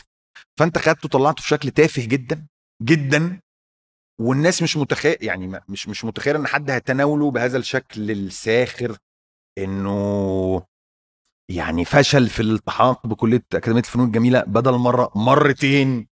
فأنت مش متخيل إن ده ممكن يبقى ابن خالتك يعني ممكن يبقى صاحبك عادي اللي بيعيد السنة في, في أربعة أو فده آه فيبقى عندنا كوميديا ويبقى عندنا حتة ال- المعرفة. قصة تانية هتبقى العكس. روبن ويليامز مثلا وروبن ويليامز كانت بتتكلم على يعني لما جيت أكتب عنه قريت السيرة بتاعته هي مش biography كتبت بعد ما توفى. كتاب اسمه روبن كتاب رائع. وكنت مستغرب ليه حد ممكن ينتحر يعني هو عنده كل حاجة في الدنيا أي حد ممكن يتمناها يعني عنده الشهرة والنجاح واخد أوسكار وعنده الفلوس يعني عايز إيه تاني يعني؟ تشتغل شغلانة أنت بتحبها ومتجوز ومخلف والعالم كله بيحبك. ومحبوب فعلا يعني روبن ويليامز الشخصيات القليلة قوي يعني عليها إجماع عالمي وتنتحر. فكانت الفكرة هل هل الاكتئاب بيعمل كل ده؟ نعمل حلقة عن الاكتئاب. وبدأت أقرأ. بعدين لما خلصت لقيت إن ال hypothesis بتاعي وأنت لازم تبدأ برضو ب- ب- بفرضية يعني افتراض كده. اكتشفت إن كله غلط إن هو مش الفكرة في الاكتئاب. اكتشفت إن هو هو تم تشخيص مرضه غلط. هي الناس كانت فاكرة إن عنده اكتئاب وكان عنده حاجة اسمها لوي بادي ديمنشا وكان عنده خرف. كان عنده مرض عضوي عنده مشكلة في المخ. وبدل ما يتعالج على هذا الأساس ويبدأ ياخد أدوية ويبدأ الناس يبقى في متابعة دائمة. هم افتكروه يعني معلش اصل بيشرب كتير معلش معلش اصل ده بقى آثار السكر وكده فيعني فودوه مصحة علاج إدمان والتشخيص وأدى الموضوع لإيه؟ لأن لأ ده أوقات التشخيص الخاطئ برضه ممكن يعمل بلاوي زي الاكتئاب وأكتر. في حلقة زي دي ليس هناك مجال للفكاهة خالص. ما هو برضه يعني ممكن نهارك شوية في الأول بس لما بدأنا بقى نخش في الجد نص بقى الحلقة التاني وأنا بنصح اي حد إن هو يتفرج على آخر سبع دقائق في الحلقة دي تحديدا. أنا بحس إنها من أحلى من أروع الأوقات اللي غندور أدى فيها. إن هو كان جد جدا وملامحه بقت جد جدا وال... والمزيكا اختلفت و... و... يعني أنا بحب الحلقة دي جدا. وتاني واو الناس فاكرة إن برضه تاني إن قوة غندور في ال... في الضحك. لا هي قوة القصة في ال- في القصة بس كل قصة هتليق عليها إيه؟ إيه المكونات اللي هعتمد عليها؟ فهنا ال- الضحك قل تماما. وزاد بقى حتة المعرفة وزاد كمان حتة المتعة في ال expectations في إن الناس بقى أنت عمال ترمي لهم حصل كذا وبعدين حصل كذا وبعدين عملوا ال- ال bio ال- ال autopsy وبعدين التشريح طلع غلط وبعدين هنا كانت المفاجأة وبعدين في فكرة هنا رجعنا لعبنا على يعني ما لعبناش على الاندورفينز بتاعت ال humor بس لعبنا على الدوبامين في حتة ال expectation ولعبنا طبعا على يعني الحلقة دي بتجيب دي كانت أول حلقة أشوف فيها وطبعا ده بشكل شخصي دي مش دراسة ولا أي حاجة أشوف فيها تعليقات بتقول إحنا أول مرة نعيط بعد ما نتفرج على حلقة من الدحيح. وهل بقى أنا في ساعتها كنت أعرف الكلام اللي أنا بقوله ده؟ لا. خالص. ولا كنت يعني دي, دي فكرة ال angel's cocktail دي دي حاجة أنا عرفتها بعدين اتفرجت عليها في TED Talk وبعدين بدأت أحاول أقرأ عنها أكتر. يعني ما ولا كنت أعرفها ساعتها. بس كان بالفطرة إن بنتكلم في حاجة جد قوي وبنتكلم في وفاة فهنا مش ده الوقت اللي نهرج فيه لأن تاني لو رجعنا قسنا على نفس النظرية بتاعت ال humor فده ما بقاش benign violation ده بقى يعني ده بقى انتهاك أو مخالفة للتوقعات غير حميدة ده مخالفة خبيثة. انت بتضحك على بني آدم بيموت يعني. فحاجات كتيرة من الحاجات دي بتتجاب بالفطرة وبتتجاب بالقراية كتر القراية بتتجاب بالاجتهاد بتتجاب بالتجربة والخطأ أكيد في حاجات كتيرة جدا من اللي أنا كتبتها بشكل شخصي لو رجعت أكتبها تاني أحاول أكتبها بشكل أحسن. في حاجات أكيد لما باجي أشوفها دلوقتي بحس إن إيه القرف اللي أنا كتبته ده؟ وده أعتقد حاجة كويسة لأن ده معناه إنك بتكبر معناه إنك ما توقفتش عن القراية معناه ما توقفتش عن التعلم يعني أنا هزعل قوي من نفسي أعتقد وأحس إن ده وقت ال وقت خطر قوي لو قريت حاجة أنا كتبتها مثلا من سنة وأعجبت بيها. دي تبقى فيها مشكلة مشكلة كبيرة ده معناه إنك وقفت مكان ما أنت كنت من سنة. وده مش معناه إنك بالضرورة تبقى بتتحسن إنك أجمد بس على الأقل ممكن أبقى كريتيكال أكتر. يعني مش بالضرورة حتى أتحسن ككاتب بس المفروض أتحسن كناقد. لو أنا قعدت سنة لسه عاجبني نفس الحاجة مش بقول بقى من 10 سنين مش بقول من 5 سنين بقول يعني ده, ده لو سنة لو ست أشهر. ده معناه إن أنا ما قريتش بما يكفي في السنة دي فمستواي ما زادش. معناه إن أنا ما ما ما, ما راجعتش نفسي بما يكفي فمش قادر حتى أنقد عملي بشكل بشكل كافي. ولذلك أنا مؤمن جدا بمصطلح النفس اللوامة. لازم ال... يعني تبقى أنت في حرب داخلية ما تبقاش ال benchmark بره. أنا ممكن أبقى أحسن من أنا إزاي. بس غيري مش benchmark كويس خالص. هل ده يطبق على ال entrepreneurship أعتقد آه. أعتقد آه. يعني سؤال أنا ممكن أعمل إيه إن أنا بكرة أحسن من إمبارح؟ أعتقد يعني يطبق في أي حاجة في الدنيا يعني مش بس في الكتابة يعني. طب أنت كنت في في ال peak أو مش ال peak لأن هم بسم الله ما شاء الله لسه they're, they're going up and up. بالنسبة للدحيح بس كنت وصلت لحتة كويسة قوي إيه اللي خلاك تقرر إن خلاص كده أنا هعمل ال MBA وهتجه اتجاه تاني مع إن الدنيا كانت ماشية بسم الله ما شاء الله زي الفل؟ الحياة opportunity cost يعني بتكبر وبتبدأ تدرك إن نجاحك في أي حاجة في الدنيا هيترتب على أنت مش هتعمل إيه أو هتقول لأ لإيه أو هتسيب إيه مش بس أنت هتاخد. يعني الواحد بيبدأ بيبقى في ع- يعني بيحاول يتعلق في قشايه في عرض أي فرصة بس ادونا فرصتنا. أي مشروع أي بر... أنا جاي معاكم في أي حاجة. وبعدين بتبدأ تبدا تدرك إن ده بيبقى جيد جدا في البداية للتجربة لمعرفة أنت ميولك الشخصية إيه لمعرفة أنت ممكن تعمل إيه وما تعملش إيه.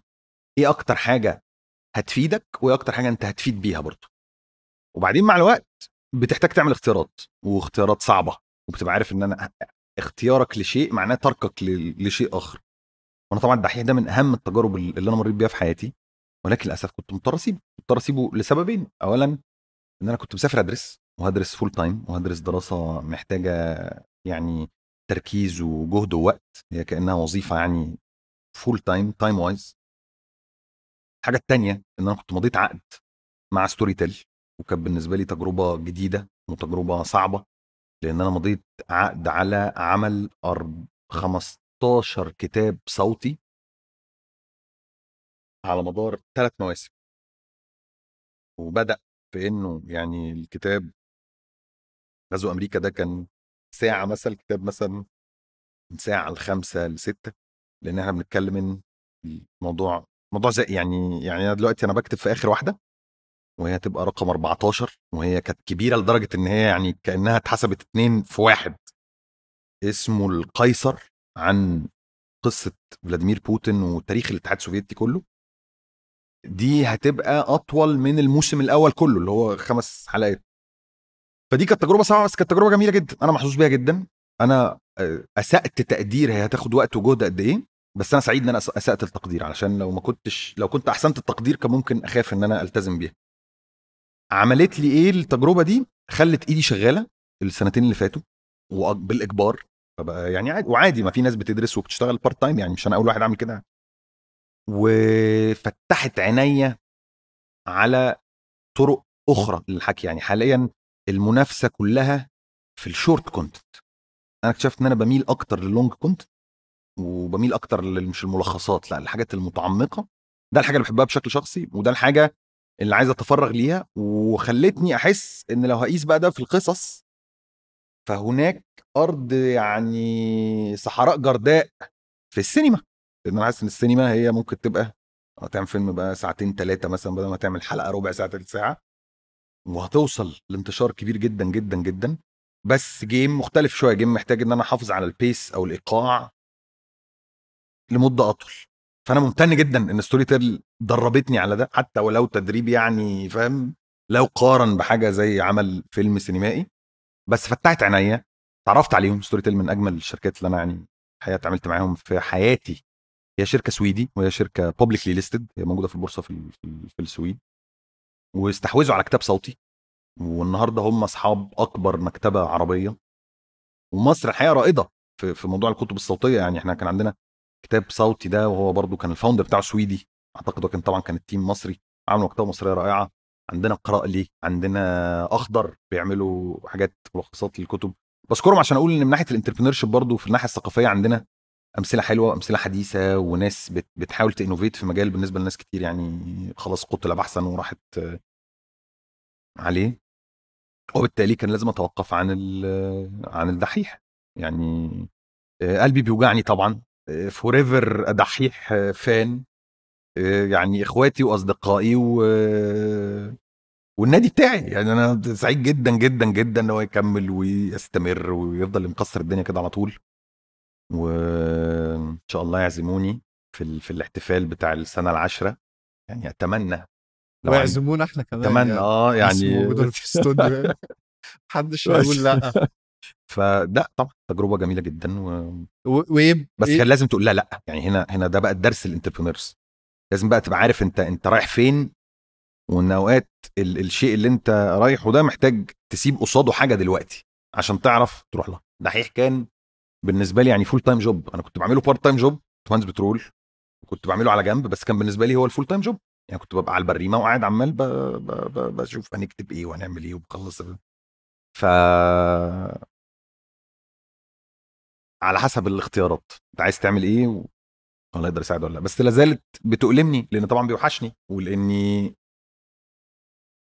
يعني عندي كده مش fear of missing out missing out actual missing out I am missing out على الدحيح بس أعتقد إن ده إن ده أفضل. البرنامج ما يوقفش على واحد ولا يوقف عليا البرنامج مستمر ولا زال لحد النهارده بيجيب كتاب جداد وبيعملوا حلقات أنا يعني أقف وأنظر إليها بإعجاز. حلقة حرب البسوس دي مثلا أسطورية. وفي نفس الوقت you have to let go وأعتقد إن ده كان أصعب يمكن قرار في حياتي العملية. أنا استقالتي من البترول كانت أسهل مليون مرة من وأنا بسيب برنامج الدحيح. كنت حاسس إن أنا بسيب حتة من قلبي كده. بس ده أنا بحمد ربنا عليه. لأنه في الحياة ده تمن لازم يدفع. في ناس بتسيب بلد في ناس بتسيب شركة في ناس بتسيب أهل في ناس بتسيب يعني الترك ألم الفقد كده وألم الفراق دايما صعب. بس من الغباء ومن السذاجة تخيل إن الرحلة ايا كانت رحلة لإيه أو بتعمل إن شاء الله رب لو فاهم لو بتعمل سوبر ماركت تحت البيت إنك تتخيل إنك مش هتدفع الثمن ده. انت كنت دايما عايز تعمل تخش في موضوع السينما ولا لما ابتديت تعمل مع Storytel اكتشفت إن غالبا ده التوجه المفروض أروحه؟ والله أنا بف... أنا أنا جات لي فكرة السينما دي أه... أنا بكتب من وأنا في KG 2 أول قصة كتبتها في حياتي كانت قصة حب بيني وبين واحدة زميلتي في الحضانة. ربنا يمسيها بالخير يعني دلوقتي بدون ذكر أسماء عشان يعني آه، متزوجة. بس. كنت بقلد يعني أول خطوة في ال innovation هي ال imitation أنت بتقرا فبتقلد بتقرا فبتقلد بتقرا فبتقلد. بعدين بدأت أكتب بشكل جاد. بس أنا ما بحبش أقول القصة دي لأن برضه بحس اللي هو إيه يعني آه اللي هو أنت كنت entrepreneur من إمتى؟ من عندي ثلاث سنين. اصل أنا بابا كان بيجيب لي العربيات وبفكها وأنا صغير. أصل أنا كنت بحلم بالكريبتو مع أصحابي في ثالثه ابتدائي. بحس إن ده برضه نوع من أنواع العته يعني. بس فما بقولش كده. تخيل اغير LinkedIn والله. أنا كاتب على LinkedIn writing stories since 1995 هي حقيقة بس يعني لزجة جدا. بس بدأت اكتب أكتب بقى بشكل منتظم في 2011 لأني حسيت بعد الثورة إن الناس كلها بتتكلم وأنا الوحيد ما بتكلمش يعني. حسيت إن أنا عايز أتكلم معاكم يعني أشارك أنا كمان يعني. ما أنا بقرأ أهو شوية عايز أتكلم أهو. بدأت أكتب مقالات وكنت شايف بقى نفسي طه حسين يعني. يعني لو بكتب بقى المقال ومستني حد يرد عليا بمقال ونقعد بقى نرد على بعض وكده. عته برضه يعني كنت يعني أعتقد كنت أكسر الدنيا في الثلاثينات من القرن الماضي يعني. يعني حد بهذا الكم من الغباء والحماس يعني أنت لازم عندك لازم غبي ومتحمس. بس ما كانتش في 2011 يعني ده كان الوقت اللي العالم بقى بيقول إن في يوتيوب وإن في حاجة اسمها إنترنت. ما كنتش يعني سمعت عنها بس يعني ما كنتش واخدها بجدية خالص. وما كنتش ببص عشان كده ده برضه أحد الحاجات اللي أنا بعتبر إن أحمد كان ذكي جدا فيها. إنه بص على المستقبل إيه اللي جاي؟ مش إيه اللي راح. أنا كنت متأثر باللي بقراه أو متأثر باللي أنا بشوفه. فعايز أعمله نكتب بقى مقالات وكتب بقى و... ونعمل صالون ثقافي. يعني كنت شايف نفسي قوي في الحتة دي و... وكنت بكتب مقالات آه، دايما بقولها وبفتخر بيها إن هي كانت مقالات بالأجر لمدة سبع سنين ومقالات آه، بلا قراء خالص مش حد بيقرا غير أمي. وأعتقد يعني الله أعلم قريتهم كلهم برضه كانت بتجبر بخاطري بس هو كان بلا قراء صفر يعني صفر. يعني حتى مش قادر أقول أنا وأصحابي لأن أصحابي ما كانوش بيقروا لأني كنت بسألهم ما كانوش بيقروها خالص. ده زي مغامرة دلوقتي يعني. ده لا لا لا. أنا الوحيد. أنا هتفرج أنا مش عارف حتى لو ماركو بيتفرج والله. أقول له شفت الحتة دي؟ الكاميرا جيب لا هي كانت. أنا أنا يعني ما استفدتش غير إن إيدي مشيت حاجة. وكانت مقالات يعني بلا أي داعي. يعني مقالات يعني بلا أنت بتعمل إيه؟ مش عارف بس بحاجه بحبها و... ومش عارف هل ممكن تبقى مصدر دخل في يوم من الأيام ولا لأ ومش عارف هل ممكن تبقى شغل ولا لأ. ما كنتش أتخيل بس كنت بحبها كنت بحبها وبدأت أكتب أول كتاب في 2013 ده كان بعد كتابة المقالات بسنتين. و كانت الفكرة إني كنت شايف إن في تجربة حلوة قوي حصلت في الجامعة وعايز ارخها وأحافظ على القصة اللي هي تمسني بشكل شخصي. أنا عايز أحافظ عليها اتقرا ما اتقراش مش مشكلة. بس عايز طبعا برضو دايما بفتخر بالموضوع ده كتاب حق نجاح ساحق آه، باع 500 نسخة. أنا وأصحابي شارين نصهم في 250 نسخة ده أنا والشباب يعني. كتر ألف خيرهم. إيه؟ هي تقريبا الطبعه الثانية يعني هي نزلت وما نزلتش. تحس إن في حاله ولادة متعسرة كده. هم يعني stillborn الطبعه الثانية ده في انتظار الطبعه الثانية من دلوقتي. بس آه، كان بالنسبة لي تجربة حلوة. استفدت منهم يعني والاثنين حصلوا في نفس الوقت. أنا خلصت الكتاب في نفس الوقت اللي أنا بدأت اللي أنا دخلت فيه مع الدحيح. حصل حاجتين. إني بكتب بقالي سبع سنين وبكتب بشكل منتظم فاتحسنت. ما أكيد وأنا بعد سبع سنين غير وأنا من من سبع سنين. اتنين جربت حاجات كتير. يعني جربت اشتغل في corporate كنت بشتغل في Baker Hughes وبعدين رحت اشتغلت مهندس حفر في BP. جربت ال entrepreneurship عملت أعتقد مشروع يعني من أهم المشاريع تاريخ مصر الحديث. عملت كوافير أونلاين. أنت بدل ما واحدة تروح كوافير هي بتطلب الكوافير هو اللي يجي لها وكنت مقتنع إن ده يعني move over Jeff Bezos يعني. خلاص بقى. آه والله وحد يتكلم معايا يقول لي بقى أنت عايز تبيعها بكام؟ ب 10 مليون. أقول له 20 10 مليون إيه يا جربوع؟ ده اعلى اعلى بالطموح كده يعني. و فشلت فشل ذريع. بعد سنة لعدة أسباب طبعا. من اهمهم إن أنا مش ست مثلا ده كانت حاجة من الحاجات برضه ما كنتش واخد بالي منها قوي. فرقت معانا شوية قدام في موضوع التعيين في موضوع الإدارة. كنت الحقيقة بشعر ب يعني غرابة شديدة وأنا بتكلم customer service بقى أنا founder بقى فلازم أبقى كده لامم اتكلم بقى يا مساء الخير يا فندم إيه أخبار ال waxing service بتاعتنا النهارده؟ بس فيقول لي لا حبيبي أنا مش المدام أنا جوزها أه أشكركم قوي على الخدمه الممتازه فطبعا كانت عيشة طين يعني. يعني مفيش أي fit من أي نوع مش product market fit مفيش مفيش أي شيء منطقي في اللي أنا عملته ده غير إني في 2016 2015 كنت شايف الناس كلها عمالة تقول entrepreneurship entrepreneurship أنا founder أنا حسيت إن أنا- طب ما أنا كمان عايز أبقى founder نفس فكرة برضو اللي هو الناس كلها بتتكلم بعد الثورة طب ما أنا عايز أتكلم معاكم. فأنا كنت حاسس إن أنا طب ما أنا عايز ا found أنا كمان يعني عايز خدوني معاكم يعني. أنا عايز أشارك في هذا البناء اللي ف والله كنا بن break even بعد بعد سنة. و... وقفلت لأن برضو جيت قصاد السؤال ال... ال... البديهي جدا هو أنت مستعد تتفرغ لشيء زي ده؟ وكانت الإجابة لأ. بينما الكتابة الحاجة الوحيدة اللي مكملة الكتابة الحاجة الوحيدة اللي مكملة وبتحسن فيها وبحبها أكتر وتعبها بيبقى بالنسبة لي يعني على قلبي زي العسل أكتر وشايف إن أقدر أحقق بيها أثر أكتر. فأنا عمال أجرب trial and error trial and error trial and error وال side hobby دي بدأت تبقى serious hobby بعدين بدأت تبقى part-time job بعدين بدأت أقول بقى يا تلعب معايا بقى وأعمل بقى زي حسنين هيكل كده. هم أول 40 كتاب هم اللي صعبين بس بعد إن شاء الله أول 40 كتاب الموضوع هيبدأ ي... بس تفاجأ إن إن أوقات فأنا ال- السينما ظهرت هنا في الوقت ده السينما ظهرت هنا في 2017 2018 إني بدأت في نهايه 2017 وبرضو الكثير من من الفشل. يعني يعني برضو أنا حكيت لك عن نجاحي الساحق في ال entrepreneurship نجاحي الساحق في المقالات. كان في نجاح ساحق برضو مثلا في في في شغلانات اترفضت فيها. أنا كنت نفسي مثلا أشتغل في في ال consulting لاني كنت شايف إن ال consulting دي عاملة زي quick win كده يعني الثراء السريع أنا أخش ماكنزي بس كده خلاص. والفلوس هتيجي من حيث لا أدري. أنا ما أعرفش بس هم بيقولوا إن اللي بيخش ماكنزي بيبقى معاه فلوس كتير قوي وتبدأ بقى اللي هو تفكر كده اللي هو كام سنة؟ سنتين يعني؟ 10 سنين؟ 10 سنين ابقى partner طب ما أبقى partner خلاص. وبعد بقى ما أبقى partner هبقى أتفرغ لل... للكتابة. يعني أبقى partner الأول وبعدين آخد نوبل في الأدب. وطبعا يعني أنا شايف إن طب أنت يعني بتعمل إيه أعمالك الأدبية؟ كتاب اسمه الحركة الطلابية في الجامعة الأمريكية. ده برضه فن اختيار العناوين. يعني إزاي تعمل عنوان منفر؟ إزاي تعمل عنوان خلي قدامك مش عايز يقرا أصلا. ده نجاح على فكرة كثير من الجهد يعني. فقدمت على كونسلتنج و... وعملت حلو قوي في الأول. يعني ال- ال- المقابلة الأولانية دي الراجل اللي كان بي... بيديني ال feedback قال لي I will see you in the office very soon. كان اسمه بدون ذكر أسماء اسمه مهدي. الله يكرمه يعني آخر كرم زي ما كرمني. آم، وأنا اتعشمت قوي بقى. اتعشمت جدا جدا جدا. شايف إنها يعني get rich quick كده طب أنت تعرف يعني إيه أصلا؟ لأ. so أنا I perfected ال case method و I perfected ال interview I perfected يعني عادي. If you obsess over some- something you can get really better at it. فانا قعدت ست شهور ما عملتش حاجة تانية غير دي.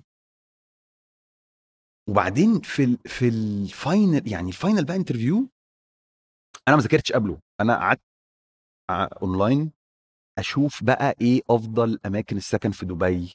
ال night life في دبي عامل إيه؟ اسعار الإيجار عاملة إيه في دبي؟ رطوبة هعمل إيه في الرطوبة؟ مش عارف. هل محتاج أنزل أشتري؟ بتاع. ده كانت حياتي يعني آخر أسبوع وكنت مقتنع إن أنا يعني مش مش بجلا يعني عارف زي يوسين بولت كده اما بيسبق وبعدين يروح باصص ورا كده فحاسس يعني خلاص. بودع بقى أصحابي وكده معلش يا جماعة عشان رايح دبي إن شاء الله. آه عايز السلام عليكم. وبعدين رحت ال final interview غضب الله. أنا مش لاقي سبب تاني غير غضب الله لأن هو يعني أي حاجة تانية غير غضب الله أنا كنت عديت. بس حالة كده من غشاء كده على عينيا وبجاوب بشكل خاطئ تماما و... و... وأنا الحقيقة دلوقتي مقتنع إنها بالعكس ده من رضا الله. يعني أنا بحمد ربنا على حصل ده لأن ده كان يمكن أكتر نقطة محورية في حياتي ده كان آخر pivoting point ده آخر أكبر قرار غلط أنا كنت هاخده في حياتي واترحمت منه بالمنع مش بالمنح. أنا غلطت غلطات لو تعادت ألف مرة مش هغلطها. زي مثلا إن أنا اتسأل سؤال عندنا مكنة في المصنع. طيب تفتكر إيه اللي ممكن يحصل يخلي الاوتبوت يتغير؟ ده سؤال أفكر آه يعني لو لو لو عندك مكنة في مكنة شغالة. إن هي باظت. شكرا. شكرا. أنا قلت له إن مثلا يحصل اضراب فقلق. طبعا ما أنا ما أنا مش عايز أقول له بقى أنا مش عايز أحكي له. أنا بيقول لي إيه هواياتك قلت له الكتابة. لو كنت قلت له الحركة الطلابية في الجامعة الأمريكية كان قام أصلا قال لي يلا بالجزمة. فأنا أول حاجة جت في بالي قلت له strike قال لي بجد والله؟ قلت له آه لو عيال رجالة هي strike وا عادي. آه إيه المشكلة يعني؟ المصنع بي strike يا ما- أنتوا ولاد كلب يعني بتديهم فتات الفتات فالعيال دي لو رجالة ت strike بس. فقال لي طب إيه تاني؟ قلت له قال لي إيه تاني غير ال strike اللي في المصنع؟ قلت له strike في المواصلات. قلت له السواقين التريلات ي strike وا والله العظيم. وأنا ما كنتش بهرج أنا كنت جاد جاد ما أنا ما أنا تاني المخ كله إيه؟ حركة طلابية في الجامعة الأمريكية. ف حركة طلابية في الجامعة الأمريكية. بس. فقال لي لا يا طاهر هو لو المكنة باظت. خلاص و I knew بقى ساعتها إن تهاوت بقى أحلامي. وتهاوى ال night life بتاع دبي. وتهاوت الرطوبة اللي في دبي. تهاوت كل حاجة. وفشلت فيه. وعيطت. وأنا مش هنسى اليوم ده ابدا في حياتي ده كان أول يوم أعيط فيه بعد ما اترفضت من شغل لإني كنت متعشم فيها قوي كنت متعشم فيها بجد وبجد كنت مصدق إن أنا خدتها خلاص. كنت باني كل حاجة تانية عليها وكنت شايف إن نجاحي مرتبط ب... ب... بحصولي على الوظيفة. وده طبعا أكبر غلط في العالم إنك تربط قيمتك كإنسان من شيء ايا كان الشيء ده إيه. وما اليوم ده ابدا لأن اليوم ده عيطت بالليل صحيت تاني يوم كأن ربنا كده أنزل عليا السكينة وسألت نفسي يعني طب أنت دلوقتي يا متخلف أنت نفسك تعمل إيه في الدنيا؟ نفسي أكتب. طيب أنت كنت رايح consulting ليه؟ عشان يبقى معايا فلوس عشان أكتب أو أحوش فلوس عشان أعرف أتفرغ للكتابة أنا كل ده الكتابة code I did not crack هي حاجة أنا بحبها قوي بس ما عنديش أي فكرة ممكن تجيب فلوس. إزاي؟ يعني حتى الآن النهارده إحنا يناير 2018 أنا بكتب ببلاش بقالي سبع سنين بانتظام. مش هنعد طبعا من أيام 95 دي هنعتبر بس بس بكتب بشكل يعني بنشر ببلش يعني بنشر في جرايد من الجرايد مطبوعة وبنشر في جرايد مقروءة جدا ومع ذلك ما فكانت الفكرة طب ما تكتب. يعني ما انت شفته رايح يمين فحطيتها له يمين يعني أنت عايز تكتب؟ طب ما تكتب. طب ما تشوف. طب إيه نوع الكتابة اللي ممكن يحقق أعلى انتشار؟ ويحقق أعلى عائد عائد ويحقق أعلى أثر. إيه أكتر حاجة أنا ممكن اللي أكتبه ده؟ يأثر في الناس ويحقق لي عائد أقدر أعمله وأنا بشكل متفرغ وفي نفس الوقت يوصل لأكبر عدد من الناس. السينما أكتر حاجة بحبها أنا بشكل شخص بس تاني برضو زي ما كنت بحب الكتابة زي ما بحبها بشكل يعني حب أفلاطوني كده يعني مش شايف أي prospect في في المستقبل. وده برضو حاجة لأي entrepreneur أو لأي حد في الحياة عموما يعني إن أنت مش كل حاجة بتبقى محسوبة. وان اوقات أهم الحاجات اللي بتحصل بتيجي نتيجة المنع وليس المنح. فقررت إن أنا أبقى pursue دي وقلت إيه ده؟ طب ما أنت أخي لو كنت مستعد تدفع من عمرك 10 سنين في ال consulting طب ما تدفع ال10 سنين دول في إنك تتعلم بقى الصنعة دي كويس. ده كل ده هاوي. أنا برضو خلي بالك كل ده معتمد على الموهبة وبرضو الإنسان ابن بيئته وإحنا هنا بنمجد الفهلوة. talent والبتاع talent is very very overrated فأنت طب ما تتعلم بقى الصنعة دي ما تحاول تبقى كاتب محترف شوية. تحاول بقى تقرأ. مش كده أنا كنت بقول لك أنا في الوقت ده ما كنتش أعرف حاجة زي ال angel's cocktail ده. فقررت قلت طيب خلاص بعد سمعت التليفون. على واحد صديقي آه، أنا يعني فخور بيه جدا اسمه عمر المهندس. عمر المهندس اللي أخرج مسلسل بالطو. هو حفيد عمر المهندس. هو خريج فيلم في الجامعة. أنا قلت إيه؟ آه يعني ما فرقتش بقى أقول له من ابولو يعني ما هو حفيد فؤاد حفيد فؤاد المهندس الله يرحمه والجينات طبعا في العيلة. قلت له عمر لو سمحت أنا عايز يعني علمني. فقال لي أنا خدت خدت كورس سيناريو في في ال- في الجامعة وفي واحد اسمه سيد فيلد رائع اقرأ له. فانت بقى بتقرا الكتاب فالكتاب بيفتح كتاب فتح كتاب تاني فتح كتاب رائع. قعدت ست شهور ما بعملش أي حاجة غير إن أنا بقرأ وببدأ بقى أحاول. وطبعا you realize إن تاني الحمد لله إن كل أفكاري اللي جت في الأول في المرحلة دي ما اتعملتش. الحمد لله إن أنا ما تعرفتش على منتج واقنعته سوحته خالص إن الفيلم ده يعني كان ال career قضي عليه في في مقتل. بس إيدي ماشية إيدي ماشية. بفتح file وببدأ أحاول أكتب scene يعني إيه scene دي شخصيات يعني. training training training training training وبعد ست شهور وفاجئ بأحمد الغندور بيكلمني وبيقول لي بقول لك إيه ما تيجي تكتب معانا. قلت له يا ابني ده يبقى شرف ليا ولأهلي. طبعا أحب أجي معاك. أنا من أشد المعجبين بالدحيح وأنا أعرفه من من أيام الجامعة. ماشي يعني أصحاب مقربين بس بس كنا على تواصل على طول. يعني هو يبعت لي articles أنا أبعت له articles فلما بسبب بقى المقالات اللي كانت بلا أجر وبلا قراء وبلا أي داعي لما جه يدور على كاتب قال لك آه طب ما ده بينشر مقالات أهو طب ما ده يبدو إن هو بيحب الكتاب فأنت وقت ما بتعمل شيء بتجذب إليك المهتمين بهذا الشيء وبتجذب إليك الناس اللي أصحاب نفس الإنترست أو أصحاب نفس الاهتمامات عموما. وده بمكسب في حد ذاته إنك بتعرف ناس شبهك بتعرف وده كانت علاقتي معاه لحد ما قال لي تعالى فبدات أروح وما انساش طبعا أول يوم في حياتي أروح أحضر فيه التصوير من أحلى أحلى أحلى أحلى أيام حياتي. وحسيت بقى ساعتها إنه كأن كل فشل حصل كان خطوة تجاه اليوم ده. ما أنا لو كنت رحت consulting كان زماني قاعد بعمل PowerPoint يعني في في, في دبي ما عملتش كده. ف ما بقولش إن consulting وحش بس بقول بالعكس أنا بقول لك أنا كنت هموت عليه.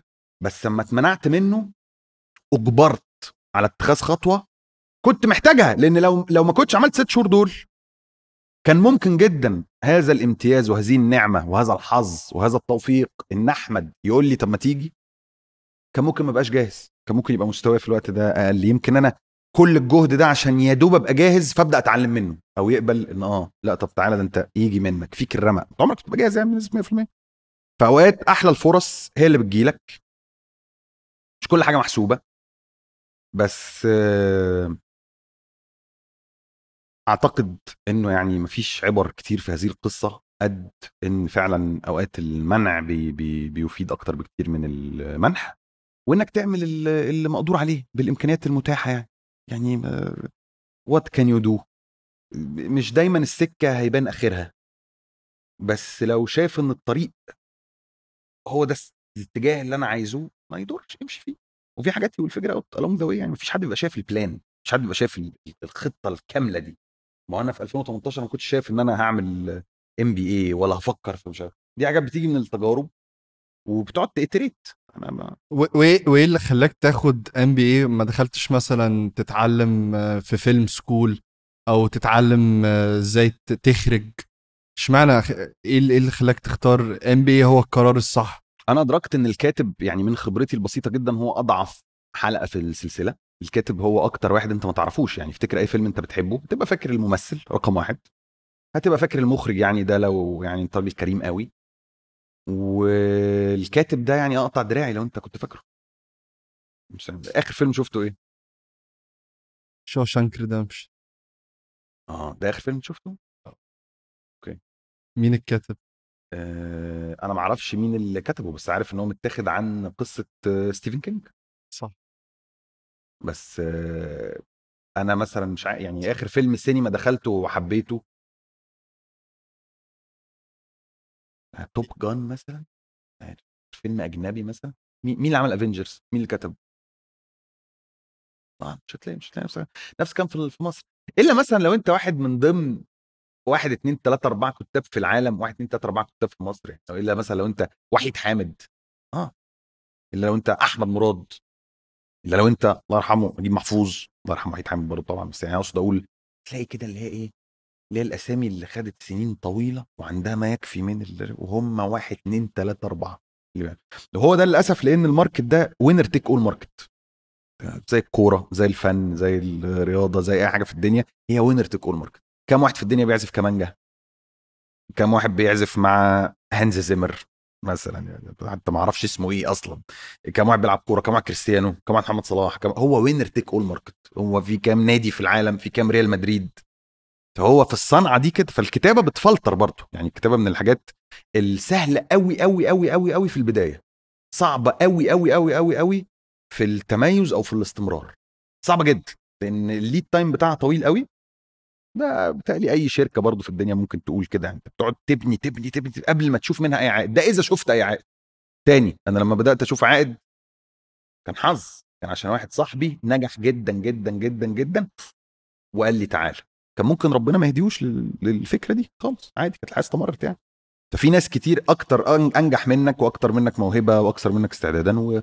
ولسبب ما لحكمة ما ما نعرفهاش ما بيجيلهمش الفرصه دي.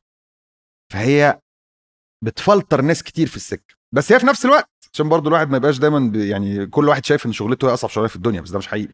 هي زي ما فيها الصعوبة دي زي ما سهولتها في البداية. عايز تكتب؟ اكتب يلا. انت ممكن تبقى كاتب عايز تبقى كاتب؟ you become a writer by writing اكتب يلا دلوقتي يعني إيه اللي معطلك ورقة وقلم واكتب. Word file واكتب. بقيت كاتب. خلاص فورا. بدأت. وعلشان سهلة يعني زي المطاعم كده. ال barrier to entry منعدم. فهتميز بقى فيه أو هستمر آه ده بقى ال test ال- الحقيقي يعني. وأعتقد إيه المشكلة؟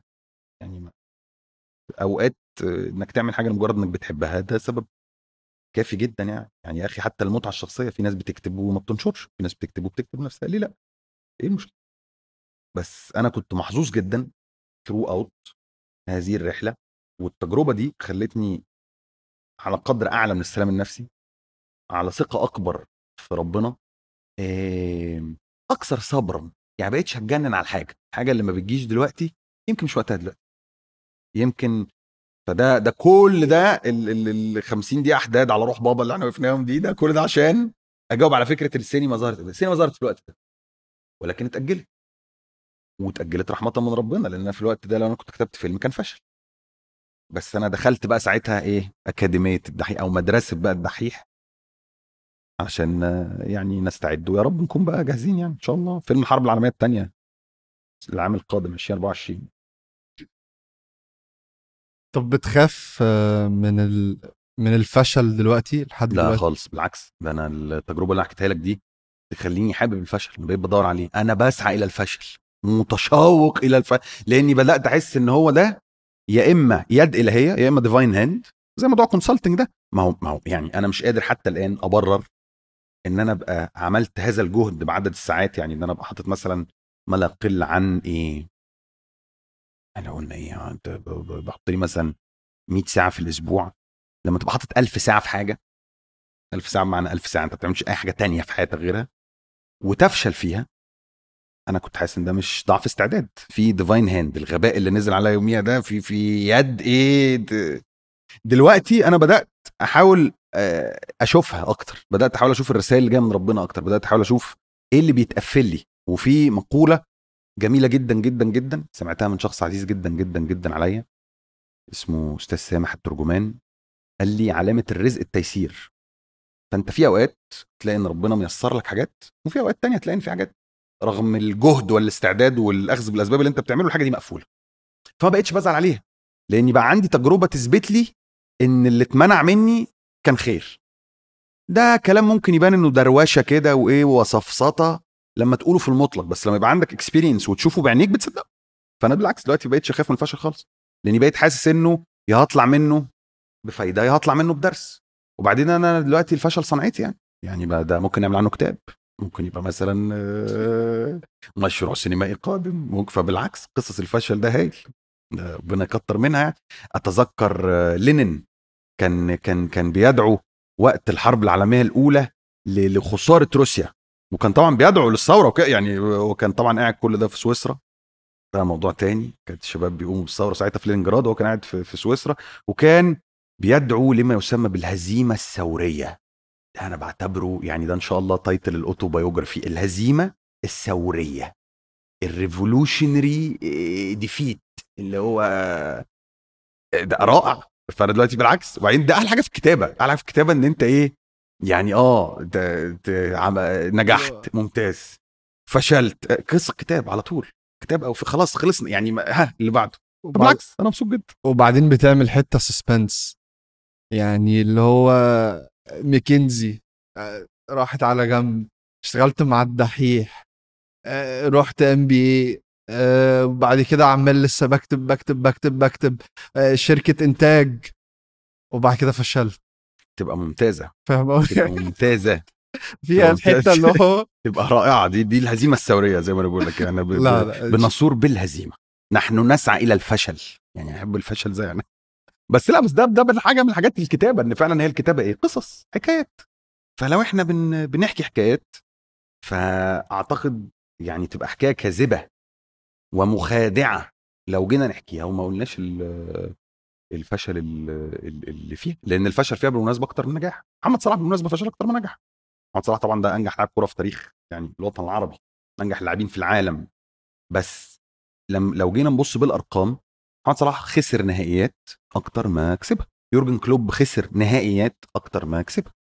بس مفيش حد بيكسب على طول وما ينفعش نشيل الفشل من النجاح. هو طوبة مش هنوصل لها من من غير في ناس ما بتصدقش الكلام ده في ناس بتفتكر الكلام ده كليشيه بس ما هو الكليشيه ده آه أوقات بيبقى مطلوب البعد عنه في القصص بس هو كليشيه لأنه صادق وكليشيه لأنه حقيقي وبيتكرر لأنه حقيقة ثابتة في الدنيا. فأوقات الكليشيه ده بيبقى مهم ومطلوب يعني. 100% 100% و... وده برضو جزء من اللي إحنا بنحاول نعمله في مغامرة إن نوري إن الدنيا مش نجاح فقط بل بالعكس يعني في محاور كتير الواحد بياخدها و... والواحد بييأس كتير. بس زي ما كنت بتقول قبل كده اللي بيكمل هو اللي بيكسب آه، بمعنى أصح يعني. طبعا وإحنا عندنا امتيازات كتير. يعني برضه لازم الواحد يخلي عنده دم. دلوقتي 100%. لما يبقى عندك آه، قدر من التعلم قدر من الدعم قدر من التشجيع قدر من المعرفة. ما أنت أصلا فكرة إنك بتسعى ده معناه إن ربنا كرمك اولا برغبة وطموح معناه إنه كرمك بشوية جينات. يعني يا أخي حتى لو أهلك ما بيدعموكش بس في شوية جينات. ما هو لولا الجينات دي ما كنتش أنت. فهو لا يوجد شخص عصامي. فاللي عنده هذه الرغبة وعنده هذه الامتيازات النعم التي لا تعد ولا تحصى دي يعني عيب ما نحاولش نسعى. وعيب برضو العكس. وعيب يوم ما ننجح ما ما نفتكرش إن إحنا كل ده رقم واحد يعني كرم وتوفيق وحظ بس اللي بيسمعوا. وأنا اظن إن هم يعني على قدر من التعلم. لا، لو في حد قدر من بيسمع الحظ يعني. لا لا لا. اتاكد والله إنهم بيسمعوا. آه، يبقى عيب علينا إن إحنا ما نحاولش لأن لأن في قصاد كل واحد عنده امتيازات وما بيعملش بيها حاجة في آلاف يتمنوا ربعها وشوف هيعملوا بيها إيه هيموتوا نفسهم عليه. وده أعتقد قصة الدحيح بتتميز بيه جدا إن الدحيح مش قصة اندر دوج خالص هي مش قصة حد نجح رغم المعوقات. لا هو أنا زي ما قلت لك حتى الصعوبات اللي كان فيها كانت صعوبات بتأهله إنه يعمل اللي هو بيعمله ده. بس في غيره ناس عندهم امتيازات وما عملوش بيها حاجة. فهو عمر الامتيازات ما كانت عيب على فكرة. يعني زي بالظبط عمر ما الغنى كان عيب. ما أنت بتحتاج ثروة علشان تعمل أشياء علشان تتحرك علشان تبني. بس إنك ما تعملش بيها شيء هو ده اللي عيب. إن يبقى عندك هذا الامتياز وترميه في الدرج هو ده اللي عيب. إنك ما تحاولش تفيد بيه غيرك أو تشاركه مع هو ده اللي عيب. بس الامتياز في حد ذاته مش عيب وإن شاء الله إن شاء الله الفيلم يبقى يكسر الدنيا إن شاء يعني. الله الحرب العالمية الثانية 2024 تاني أهم حاجة بعد ما تجيبوا كتاب الدحيح. كتاب الدحيح وبعدين خلصوا تشتري كتاب الأميرة ديانا. The Crown نازل شهر 11 وشهر 12 ده لو نهاية العالم يعني ما كانتش شهر 11 شهر 12 خلصوا نقرأ كتاب أينشتاين. عقبال ما نخلصه لو مشينا على الجدول اللي أنا قلته ده القيصر إن شاء الله ينزل معرض الكتاب القادم شهر يناير. نخلصه نستريح بقى استراحة محارب وبعدين نشوف الحرب العالمية الثانية إن شاء الله خلال أنا أنا سمعت برضو إن في كيس ستادي اتعملت على صلاح. آه دي مش لازم نقراها. مش لازم نقراها. صلاح يعني خلاص. خلاص وصل إلى كل ما يمكن الوصول إليه. إنما إحنا لسه اللي بنحفر في الصخر. لسه اللي عايزين اقروا الكتب يا جماعة. زي كتاب الدحيح. نفسه شفته كده نفس ال... نفس الرؤية الفنية. كتاب الدحيح حطينا عليه الدحيح. كتاب الأميرة ديانا. دي طبعا تبدو صورة خالة الأميرة ديانا ولكن معلش الأميرة ديانا حقوق الملكية الفكرية بتاعت صورها غالية جدا. فجبنا يعني ديانا الغلابة زي ما أنتم شايفين كده. وبس ونخلص بقى ون... ونقرأ أينشتاين يعني. في أينشتاين وبعدين بيقفل بفصل كامل عن تشيرنوبل. وزقوا معانا اليوم يا جماعة يعني. يعني حركوا السوق يعني. يعني اعملوا حتى demand كاذب. يعني يروحوا يسألوا عايزين الأعمال الكاملة لطاهر المعتز بالله. فيقول لك مين ده ما سمعناش عنه؟ فتقول له آه مكتبة محترمة وما تعرفوش طار معتز بالله. وسيبه يمشي ما تشتريش. ما تكلمش نفسك حاجة بس ساعدني يعني ساعدني بأي شكل. شكر جدا يا جماعة أشكركم.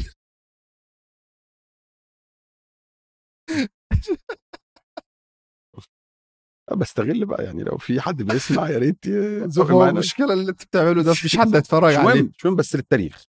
خلاص. اتفقنا اتفقنا.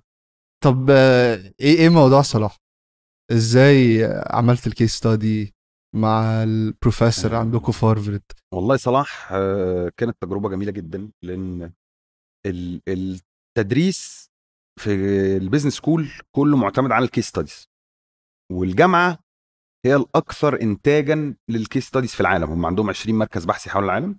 كل شغلتهم إن هم أي قصة تستحق الدراسة سواء فشل أو نجاح سواء ان كان مرحلة الشركة في إيه صغيرة كبيرة إن هم يدرسوها ويكتبوا عنها. فأغلب القصص قصص غربية. وأنا كان نفسي إن إحنا يبقى عندنا بطل من الشرق الأوسط بطل مصري بطل عربي ويبقى حد واجهه مشرفة ويبقى حد واجهه ناجحة ويبقى حد محبوب ويبقى حد بيتدرس وفي نفس الوقت يتدرس بشكل أكاديمي وبشكل جاد يعني لو إحنا مش بنسقف له خلاص لا هنحاول ندرس فعلا ما وراء جبل التلج ده من النجاح في كتير قوي إحنا مش شايفينه من الإدارة والجهد والأخطاء وال trial and error في الخلفية مطبخ إحنا ما نعرفوش.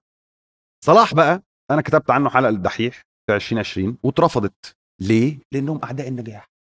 برنامج ربنا مسلطه على نفسه. قلت له يا أحمد خد يا أحمد محمد صلاح. قال لي لا حلقة كليشيه قوي. أصل بتقول نفس الكلام اللي الناس كلها عارفاه. ما أنا عارف يا أخويا إن الناس كلها عارفاه. بس كنا هنقوله في وقته. وكان قبل الكورونا. كورونا جت طبعا. من قبل الكورونا الحقيقة الحلقة اترفضت. ودي كانت أول حلقة تترفض ليا. وزعلت جدا. لأني كنت شايف يعني محمد صلاح يعني مش محتاج يعني حاجة مش محتاجة باع. تتباع آه. ولكن كان عنده حق إنه يرفضها سواء هو أو سواء أحمد مجدي رجب مدير التحرير في البرنامج. لأن الحلقة كانت ضعيفة جدا.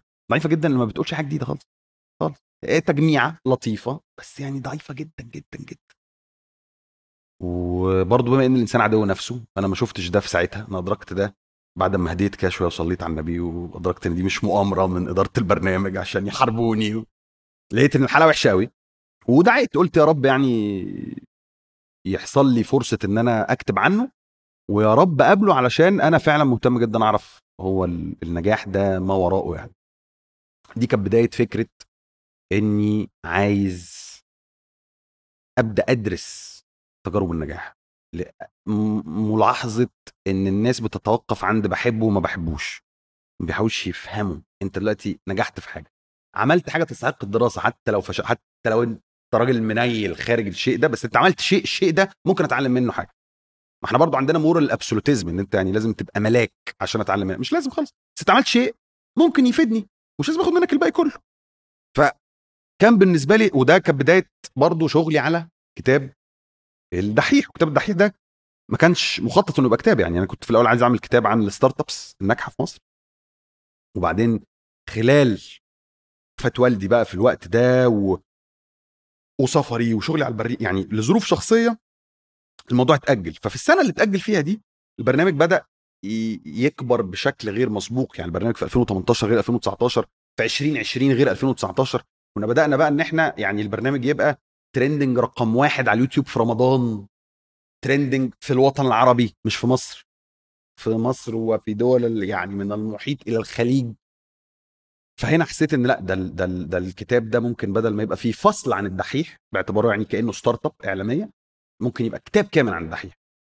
فده كان بداية اهتمامي بهذه الأشياء. وده كان الوقت برضو اللي أنا كنت عايز أكتب فيه عن طبعا يعني كنت بدأت أعمل interviews مع أحمد ومع أهله ومع ال team وبدأت بقى في الوقت ده أحس إن إيه آه طب أنا عايز بقى أتناول ما وراء القشور الخارجية للشخصيات يعني.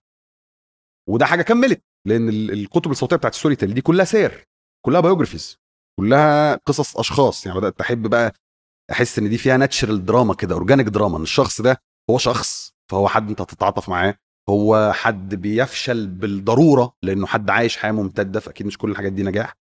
هو شخص نافذه على العالم بتاعه. يعني أينشتاين لو قرينا كتاب أينشتاين هذا الكتاب الجميل الرائع المظلوم على رفوف المكتبات والله مكانه مش رف المكتبة. لو قرينا هذا الكتاب هنتعلم عن آه، نظرياته بس في نفس الوقت هنعرف عن العالم في الوقت ده. ال- ال- القرن العشرين ده كان عامل إزاي؟ ألمانيا كانت عاملة إزاي؟ آه، يهود أوروبا كان إيه رد فعلهم عن الحركة الصهيونية؟ دعموها في الأول ما دعموهاش. طب ليه؟ ليه يهود ميونخ رفضوا إن المؤتمر الأول للحركه الصهيونية يتعمل عندهم؟ فعملوه في بازل في سويسرا اللي اسئله نعرف إجابتها من كتاب أينشتاين. نفس الكلام عن ديانا أنا بدل ما ما أتكلم عن تاريخ العيلة المالكة وأتكلم عن واحدة من أهم الإمبراطوريات في التاريخ. إمبراطورية كان بجد لا يغيب عنها الشمس لأنها حاكمة الكره الارضيه كده بال داير ما يدور. فبشوفها من خلال الشخصيه الشخص. فالناس تبقى مستمتعة وهي بتتعلم يبقى التعلم في ال background. نفس قصة القصة الحلوة. القصة الحلوة؟ اللي غلاف القصة ده هو حصان طروادة هو ال Trojan horse اللي بدخل منه من خلاله ال- ال- المعلومات. فصلاح كان مجرد مثال ولكن كنت حاسس إن هو يعني أنجح حد عندنا على مستوى عالمي. ما بقولش إن هو الأكثر اثرا. في ناس مجهولة تماما وبيعملوا أثر كبير قوي بشكل يومي. بلد ولاده الحقيقة وما نعرفهمش. وما نعرفهمش لإن يا إما ما اتكتبش عنهم يا إما غير موثقين أو مؤرخين يا إما بيشتغلوا في صمت يا إما يعني في مليون سبب بس حسيت إن أنا أقدر أساعد حتى في حتة التوثيق دي. فتلف الأيام وأروح الجامعة فأشوف إن هم بيعتمدوا في الدراسة على شخصيات. أنت لازم تحط نفسك مكان الشخص لازم في ال case study دي تحط نفسك مكان الشخصية. ها تختار يمين ولا شمال؟ فتبقى بتتعلم أكتر عن ال decision making وفي نفس الوقت تبقى في موقف حقيقي مش موقف افتراضي. فلان حصل له الموقف ده. تعمل كده ولا تعمل كده؟ وبعدين بعد ساعة ساعة ونص من المناقشة تبدأ أنت إيه؟ تعرف بقى طب خلي بالك اللي حصل كذا كذا كذا. فتشوف أنت إيه اللي فكرت فيه صح إيه اللي فكرت فيه غلط. فاقترحت محمد صلاح على المركز بتاع الشرق الأوسط. فرفضوا الكيس كيس رفض لتاني مرة.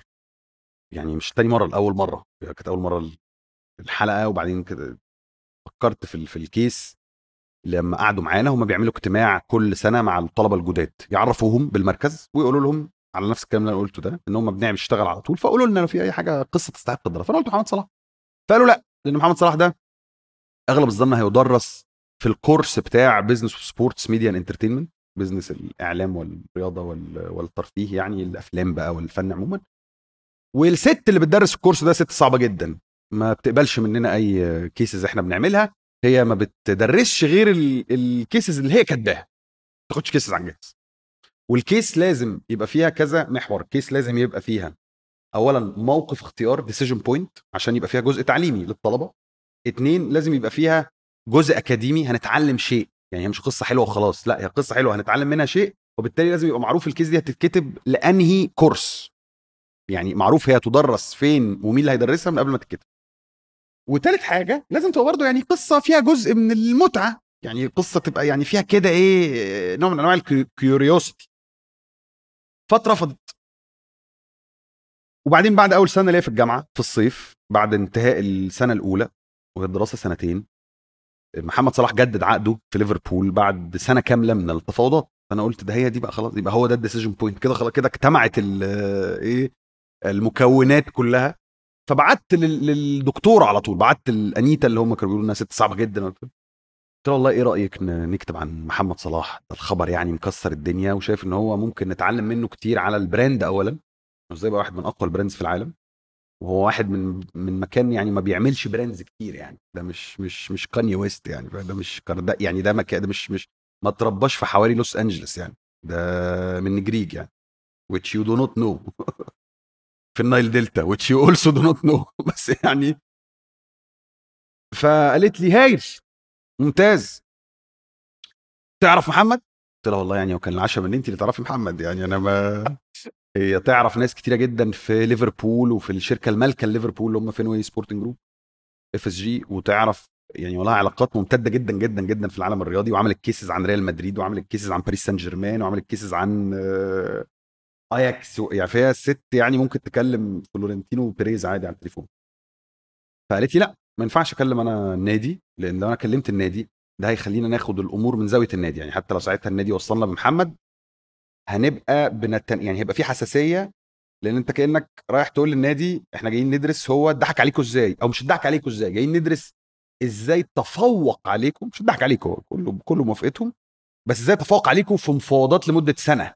أنتوا ب team المحامين وال agents والتي كل ده إزاي ده قدر يتغلب عليكم هو ال agent بتاعه اللي هو رامي عباس؟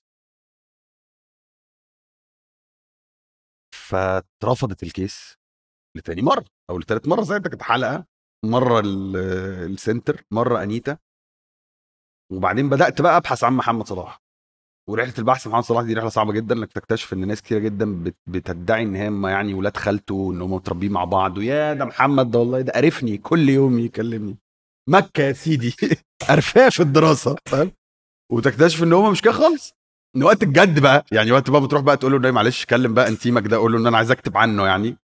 يقول لك آه اسكت. ما والله بقى له فترة اعصابه تعبانة شوية ما بيردش. ومحدش عارف يوصلني بيه خالص. خالص. لمدة صيف كامل اتشقلبت عشان أوصل له. و... والناس اللي اشتغلوا معاه يعني بعض الناس اللي اشتغلوا في علامات تجارية هو عمل لهم إعلانات.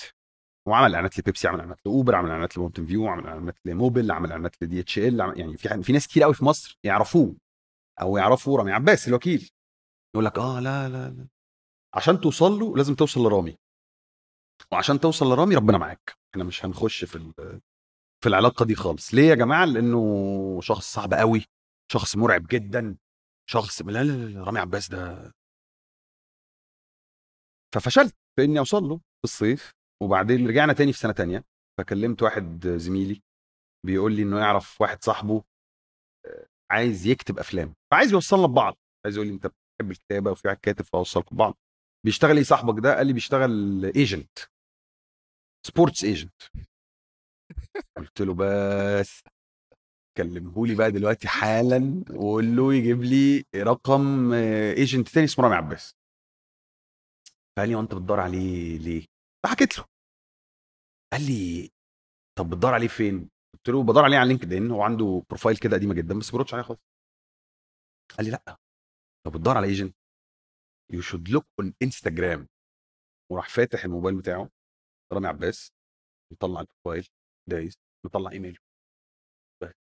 بهذه الصدفة الغير متوقعة اطلاقا. رحت كاتب له إيميل كاتب له إيميل من سطرين. مساء الخير أنا شايف اللي أنت عملته ده يعني حدث تاريخي نجاحك في المفاوضات وعايزين نكتب عنك case study في الجامعة. ما فوجئت إن الراجل ما طلعش جنكيز خان اللي كانوا بيحكوا عنه الراجل الراجل ما طلعش جنكيز خان اللي كانوا بيحكوا عنه خالص طلع راجل لطيف جدا supportive جدا آه، مشجع جدا. مبسوط إن في حد مقدر الجهد في الإدارة والجهد في في, في كيفية إخراج صورته بالشكل اللي هو عليه في كيفية اختيار العلامات التجارية اللي بيتعامل معاها في كيفية إدارتهم لهذه المؤسسة اللي بقى اسمها محمد صلاح النهارده. بالعكس كان راجل جميل جدا جدا جدا. راجل أنا اتعلمت منه هو أكتر ما اتعلمت من محمد شخصيا. يعني محمد عبقري لاعب كرة قدم عبقري. جينيوس حد الذكاء مركز جدا جدا جدا attentive جدا جدا. بشوش جدا جدا جدا. برضه دي حاجة من الحاجات اللي بننساها في ال entrepreneur يعني إن الناس لو مش طايقاك أغلب الظن إن يعني مش هتوصل لحاجة. يعني حتى ال ال ال اللي إحنا بنعتبرهم عظماء يعني طبقا للتعريف الضيق للنجاح ستيف جوبز مثلا إيلون ماسك بتاع. على قد ما بيبقوا لك جزم في بعض الأوقات على قد ما بيبقوا في أوقات تانية آه، ملهمين جدا. فأنت يعني أوقات برضه هذه البش يعني عارف الابتسامه في وجه اخيك صدقة يعني, يعني خلي عندك دم واضحك كده لأن هو بشوش جدا الناس بجد بتحبه شاطر جدا في اللي بيعمله فملهم نفس فكرة إن يعني أوقات نجاحك بيبقى هو القصة مش محتاج تقعد تتكلم كتير هو يعني by being good really good at what you do ده بي inspire ناس كتيرة جدا الشيخ الشعراوي كان ليه مقولة كده بيقول لما حد بيعمل حاجة حلوة الناس بتقول الله. بس خلاص. يعني يعني يعني عايز عايز الناس تقول الله. اعمل حاجة حلوة. يعني بيقول إن ده حتى بي- بيقولها كفكرة إن دي أبسط الطرق للدعوة. يعني يعني اعمل حاجة حلوة يا أخي. اعمل حاجة حلوة. اتقن عملك ايا كان عملك إيه. فالناس الله. فأنا بحس إن محمد صلاح مثال كبير جدا جدا جدا على فكرة التركيز. والتركيز ده بقى ما كانش هيحصل لولا وجود رامي عباس اللي أنا بعتبره هو العامل الأكثر تاثيرا في نجاحه. يعني يعني الموهبة خلاص قتلت بحثا الإصرار الانضباط الطموح ال... ال... الرغبة ال... كل دي حاجات على عيني وعلى راسي. التوفيق طبعا اولا وأخيرا كرم ربنا اولا وأخيرا. بس ال- الجزء اللي كان مهمل كان جزء رامي. فدي أكتر حاجة أنا اتعلمت منها. اتعلمت منه يعني أكتر ما اتعلمت من أستاذ الماركتنج يعني عندنا في الجامعة. كان لطيف كريم بالوقت. كريم بالمعلومة كريم ب ب ب ب ب يعني بالتشجيع وب يعني ما كانش ال- المتوحش خالص ومن نجاحه إنه خلق هذه الصورة وخلق هذا الحاجز لحماية محمد. إن هو إن هو آه أنا جنكي يعني أنا بول دوج كده اللي هيجي على محمد هاكله.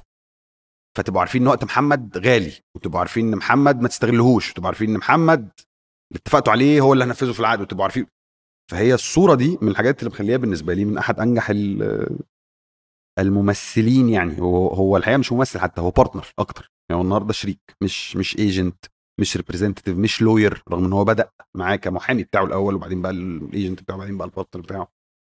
وطبعا زي أي حاجة في الدنيا هي ليها ميزة وعيب. هو موديل صعب جدا لأنه الناس اللي زي محمد بي بيروحوا ايجنسي كبيرة. فإن حد زي محمد يبقى مع شخص واحد شيء مختلف عما هو يعني دارج ولكن شيء أغلب النجوم الكبار في العالم النهارده بدأوا يتجهوا ليه يعني آه، مافريك كارتر الصديق الصدوق بتاع ليبرون جيمس مثلا النهارده بتشوف إن لو في حد كفء وثقة خلاص ومتفرغ لك ده بتهيألي موديل أقوى بكتير. فتعلمت كتير منهم وكان الهدف دراسة التجربة ونقل التجربة وإن الطلبة يبقوا بيدرسوا عن حد شرق أوسطي عربي مسلم حد اسمه محمد حد كل حاجة هم بالنسبة لهم دي مرتبطة بكل ما هو سيء في الدنيا. ال- ال- الميكس ده ده يا إرهابي يا متطرف يا منيل بنيلة يا حافي تحت فاهم في ميدان الجيزة بتاع. يعني إنك تشوف حد ناجح بيكسر الصورة النمطية دي كان بالنسبة لي حاجة حلوة وده كان الهدف ال- الأناني جدا بالنسبة لي والحمد لله اتعمل يعني. واتعمل لما هو قال أنا موافق فرجعت تاني لأنيتا. فأنيتا قالت تمام نقعد بقى معاه نشوف بقى لو في الشروط اللي أنا قلت عليها دي إنه هيبقى في جزء تعليمي طلبة نقدر نعلمهم حاجة هيبقى في decision كده point angle نقدر نخش منها ال case هيبقى في حاجة جديدة حاجة ما اتقالتش في ال interview السابقة. لأن برضو أنت لو لو اعتمدت على ال interview السابقه فأنت ما ضفتش حاجة جديدة. وهدف ال case إن أنت تبقى طلعت ب primary knowledge أنت أول واحد يتقال له القصة دي. فالحمد لله ما عملنا ال meeting الدنيا مشيت و the rest is history يعني. أنا يعني مش عارف أشكرك إزاي برضه على وقتك النهارده. خلص والله بالعكس ده أنا محظوظ. يعني دلوقتي الساعة 11 ونص وما أظنش إن أنت كنت متخيل إن إحنا هنتأخر كده. ده من استمتاعي بالحديث. وأنا قلتها لك قبل كده يعني من ناحية قد إيه أنا كنت متحمس على على الحلقة دي مش زي أي حلقة ده شرف والله. بسبب الاستمتاع. ده شرف لي ويعني مش عارف أقول لك إيه إن أنت جيت وقعدت معانا الوقت ده كله. ولا حاجة والله ده شرف ليا. أنا اشكرك على الاستضافة. شكرا على استضافتي في مغامرة وقد كانت بحق مغامرة. شكرا قوي أنا متشكر. Thank you.